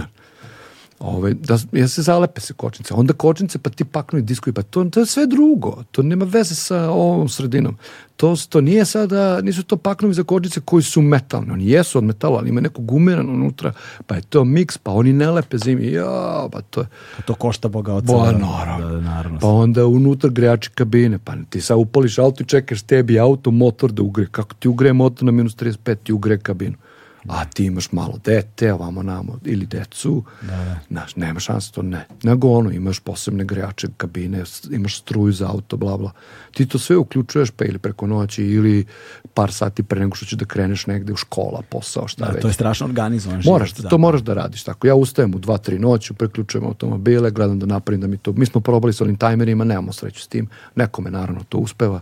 Nama to, ovaj, da, da. jel, jel ne mogu da omašim razumeš, ono, imam stvari kad ja moram da budem tu i tu, toliko i toliko sati. Mm. Znaš, i ako sad meni auto nije radio, nisu radili grejači, ja na hladno da upalim auto, možeš dva puta, treći put ćao, uljna pumpa i tebi motor ćao. Mm. I, mislim, to možeš, ali mnogo je glupo i mnogo je skupo. Da, znači zapravo, zapravo u takvim ekstremnim uslovima neophodna je ekstremna organizacija dana, života, vremena. Svakodnevnog. Dakle, tu, da, tu su vremenske odrednice vrlo relativne. Ono, ne da, da tu ništa u žurbi da se desi. I ne treba. Da, da znaš, da. i ne treba žuriti. Što je hladnije, a treba ti više vremena za najobičniji pokret. Znaš, da zavižeš pertle, da, da, da zakopčeš jaknu. Treba ti duplo više vremena na minus 40 nego na minus 20. Da, da, da. A na minus 20 ti treba 2 sekunde duže nego na nula. Mm. Znaš, a na nula ti je hladnije pa ti još nego na plus 10 i tako dalje. Znači stvarno ti je to i moraš da si ono, polako, lagano. Iako je moj temperament drugačiji, ali ja sam sebe kao trener godinama da polako stani, sveti se, sveti se, hladno je, polako. Da. O, jedna stvar, druga stvar, pa znaš, ono, moraš da razmišljaš da si pripremljen. Ne možeš da budeš blesav. Znači, mi u automobilima imamo one, one vreće za minus 40. Mm. Šta se desi, pokvari se auto na sred puta, ti čekaš dva sata pomoć. A šta ćemo s decom? Da, da. da. Za, za dva sata ti u auto minus 40 koliko i napolju. Da. Ako je toliko napolju, na primjer. Minus 30. Ova zima je bila jako hladna. Mi imamo relativno, eto ti promene arktičke. Ovaj, mi imamo, normalne su zime bile svih ovih godina. Ja sam tamo već jedno, da kažeš, možda 6, 7, 8 zima. Da ne nabrajam sad tačno. Ovaj, I sve su otprilike slične. Imaš cikluse na četiri godine, se menjaju ciklusi. Ova je ovakva, pa za četiri godine bude ponovo slična kao ta. Ovaj, ova nema snega u početku, ova ima obilje snega u početku, a nema kasnije i tako. I ti vidiš neka tu pravila, ono, kako to ide kao. Ovaj, E, međutim, ovaj, i bude nekih, sada kažeš, od 6 do 10 tih jako ledenih dana. Da je temperatura ispod minus 30 pa do ispod minus 40, znaš takvih dana bude normalno za celu zimu, a zima počinje pred polovinom oktobra i završava se ovaj, krajem aprila. Uh, i, Koja zima, vrate. Da, da, dugačka. Tvrda, vrate. I bude svega tih 6 do 10 dana tako hladnih, da. kad je sve normalno. Ove godine smo imali preko 40. Da, da. To su rukavice, to su promrzline, to je. Znaš, Jer moj posao da budem napolje. Ono. Ja, ja mislim, ja vozim turiste, imam 100 pasa i onda mi imamo posebno šta radimo kad je minus 30, kad je minus 35, kad je minus 40, sve. Kad otkazujemo sve. Da. da, da, da, posebno. Kad sve otkazujemo, kad radimo samo skraćeni program, kad radimo nikakav program. Znaš, mm. kad ne diramo pse, samo hranimo i stavljamo slamu ovaj, psima u kućice da im bude što toplije. Da. Oni žive u izolovanim kućicama, imaju unutra izolaciju, stiropor. Mm to se naravno sami pravimo, jel? Da, da, da, sve sami čovječe. Da. Znači to je onda verovatno imanje koje zahteva i održavanje o, naravno, i planiranje napred i pa, ti si da. zapravo kao zemljoradnik, ono, kao pa, na e, selu samo nekad tamo da, da, da. potpuno da. druga verzija. Gazda, gazda. Gazdinstvo, znaš, ono, imaš ozbiljne obaveze i tebi zapravo dan traje nedovoljno dugo da sve to odradiš. Pa da, a imaš i porodicu, naravno. Da, imaš i porodicu i sve. A šta, znaš, je li imaš vremena za razonodu? Šta radite kada je vreme razonode? Pa da ti kažem iskreno, znači, uh, Ja Nisam volim... se zabavio šest godina. ne, ja volim, dobro, imam, pratim neke sportove, da, da. volim pogledam film i tako. Eto, to je nešto, ono, nešto sa decom, sa, mm. por, sa ženom, eto, to je najosnovnije. Da. Ove, ovaj, ima svoje igre, ja sam ono, ja volim igre ove kompjuterske i da, tako. Da, da. A, ovaj, a da, gamer si, a? Pa, ali, ali pa ja igram neku igru sa nekim zmajevima zato što se oni razmnožavaju. da. da. To su neki ratni zmajevi, ja volim te, da ti ukrstiš ovog sa ovim pa ne, dobiješ kako nešto. Kako se zove ta igra? Pa zove se War Dragons i mnogo je dobra igra. Ne, War Dragons da, igraš. Da, da, da. To, to je ceo svet igra. To igre odrasli ljudi, to nije dečja igra. Da, da, da. To je da. neko ratovanje, ekipe, da, vama da. nama. Znači, Nemam ja. Da. pojma, nikad nisam čuo, morat ću da, da čekiram. Ja nisam baš neki gamer, ovo, ovaj, da. bio sam ranije, ali nisam više. Ovaj, um, a kako sad, znaš, koliko su, koliki su klinci? 10, 5 i ovaj najmlađi je 3 meseca. Ok, ovaj beba, da ovaj 5 godina još uvek nije to to, ali recimo ovo dete 10 godina, kako, kako sad recimo potrebe za ono vršničkim grupama, za socijalnom interakcijom, škole, znaš, pošto sve je daleko. Znaš, kako sad, ta, kako sad taj društveni život i ti, ne znam, kulturni apetiti neki koje verovatno sad i dete kreira, a verovatno ih i vi imate na nekom, na nekom nivou, kako se to ispunjava, kako izgleda ta vrsta života? Teško je.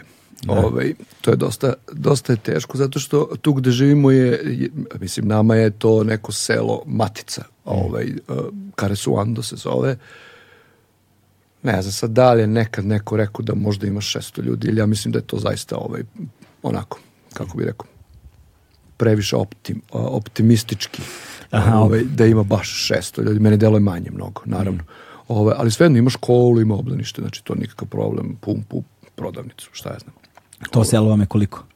Daleko? Pa to nam je kao matica, Aha. to nam je kao baza. Ono. Mm Tu živite? Mi smo, mi smo, gledali da živimo ovaj, ili u samom selu ili u blizini. Aha. Mhm. Okay. Zbog dece, mm -hmm. ovaj, škole i tako dalje. A onda uh, ja nekada ono budem sa psima pa tamo ostanem, pa nekada radim, pa nekada vamo na, a u suštini po potrebi. Mm. Ovaj, a i mi naše pse dovodimo ovaj, kod nas kući.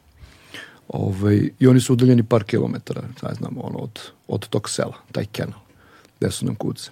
A firma ko firma ima sad pa hotele, pa bungalove, pa ovo, pa ono, znači imaš to svugde. To je sad sve na par kilometara ili na par stotina metara jedno od drugog da, i da, tako da, dalje. Da, da, Nije jedno mesto, nego ima različitih objekata na različitim mestima. Mm.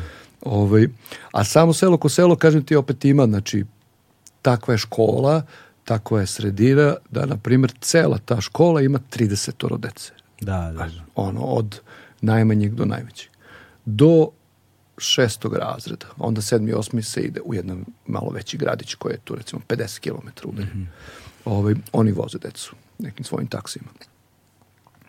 A, mi smo onda gledali da nama treba za dete da ide da trenira sport, a vamo nam, on voli da pleše, voli muziku, znaš, tako, te neke stvari. I onda gde ti to imaš, ne znam, ono, u Kitili, koliko je Kitila?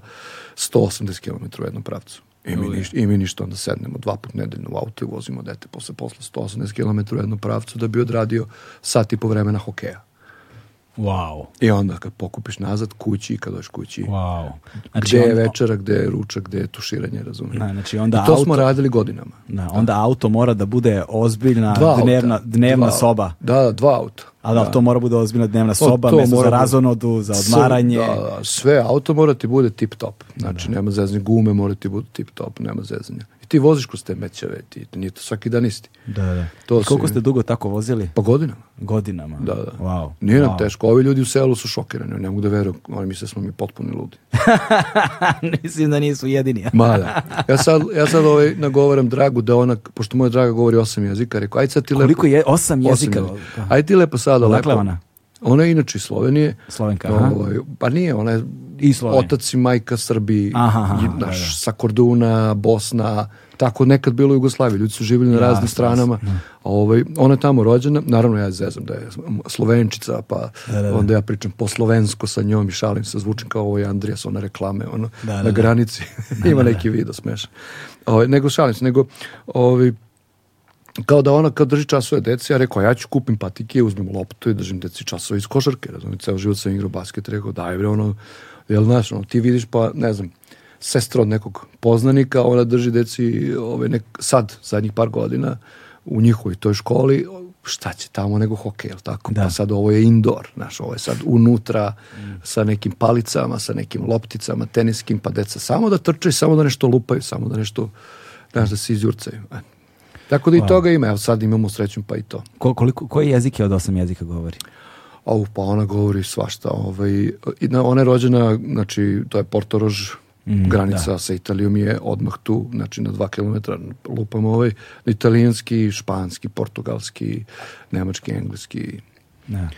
finski. srpski, finski, švedski. Da. Finski sad ona ovaj, savladala a, i dobro je ide a, i to, a, to je najteži jezik. A ti? Ja ne, ja sam ono samo engleski i to je to. Ne govoriš Ruski sam ono ko dete, nemački sam kod dete, finski bežim od toga zato što su oni, to je jedna reč, to je jedna reč.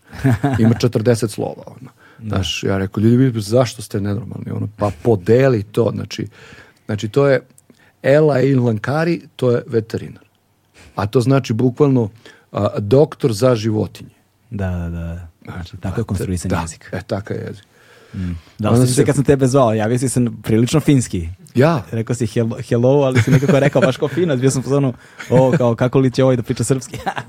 da, da, da, da, daleko sam ja od finskog. Ovo, oni imaju lepe reči, kratke reči su im lepe, znaš. Mm. Kulta, znači zlato, uh, susi je vuk, uh, kratke reči su zabavne, lepe, mm. a ovo što je ovaj, što je dugačko, to je, to nije normalno. Jel, klimat, jel, osje, jel se osjećaju klimatske promene na, Kako na da tu?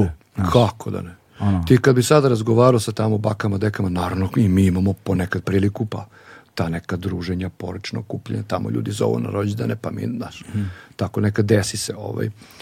E, ne često, ali desi. E, pa onda u tim druženjima onda malo popričaš, jel? Pa su to neki starci koji pamte 60 ili 80 zima i tako, znaš, pa mhm. popričaš malo ovo, ono, pa nekad je minus 40 bilo toplije. toplije vreme, minus 50 je bilo hladnije vreme, znaš, to danas nemaš. Da. Onda tih dana je bilo mnogo više, mnogo više nego danas. Definitivno su toplije zime, definitivno imaš manje snega, definitivno ono što je naj, što bi sigurno ja rekao da su nepredvidive, znači da se dramatično menjaju od ono malo snega do previše snega. Mm, da, da, da, da, nepredvidivo. Kao pas ona za poslednja da, da, da. Ka, stavka karakteristika da, psa, da, da, da što da. mora da testiraš više puta. Da, da. Dobro, znaš, još mnogo zima vam želimo tamo. Hvala. O, još mnogo zima vam želimo tamo ovaj, i znaš, još puno ekspedicije nekih ili gotivnih trka. Znaš, možda nemaš ambiciju za postizanjem uspeha, ali ono, vreme je da uživaš. Da, da, da. da, vreme Hvala. možda da, da priuštiš sebi varijantu da odlaziš na te stvari da možeš da uživaš i možda porodično, što da ne, znaš, pošto ako pa da. je supruga u istom fazonu, a jeste, pa da. i deca odrastaju sada u radikalno drugačijim uslovima nego što si ti odrastao, njima će mnoge, mnogi aspekti tog života koji nama deluju divlje biti pitomi od samog starta, znaš, i onda će verovatno njihova pre, ovaj, prednost će verovatno imati veliku u odnosu na na tebe i, i, i tvoj pa, život. Imaće, naš, imaće njihov našu podršku. Ne? Da. Vašu podršku i start koji oni imaju, to je sada jedna sasvim drugačija Jer samo samo ako hoće, znaš, to je na njima. Da. Mi ih ne guramo ništa, oni sami neka biraju. To, jel imaju interesovanja za... Pa, pomalo, da. Pomalo, da, da vidjet Da. Vole spavaju u sankama da. kad ih vozim. Da. Čekaj da prođe puber, čekaj da dođe pubertet. Pa da, da, da, da, da, da, da. Kako će onda da se odvijaju stvari. Ovaj, hvala ti puno na vremenu. Hvala tebi, baš mi je drago. Da, hvala ti puno na vremenu, hvala ti puno na ovim divnim pričama i na deljenju ovog predivnog iskustva. Ovaj, želim ti srećan put nazad tebi i tvoj porodici i ovaj, nadam se da ćemo se ponovo sresti i pričati neke nove dogodovštine. Hvala, hvala. Znaš. I tebi puno uspeha ono, sa tvojim hvala, projektima puno. i samo napred. Hvala ti puno, stigli smo do samo kraja, to je to. Ćao. Ćao.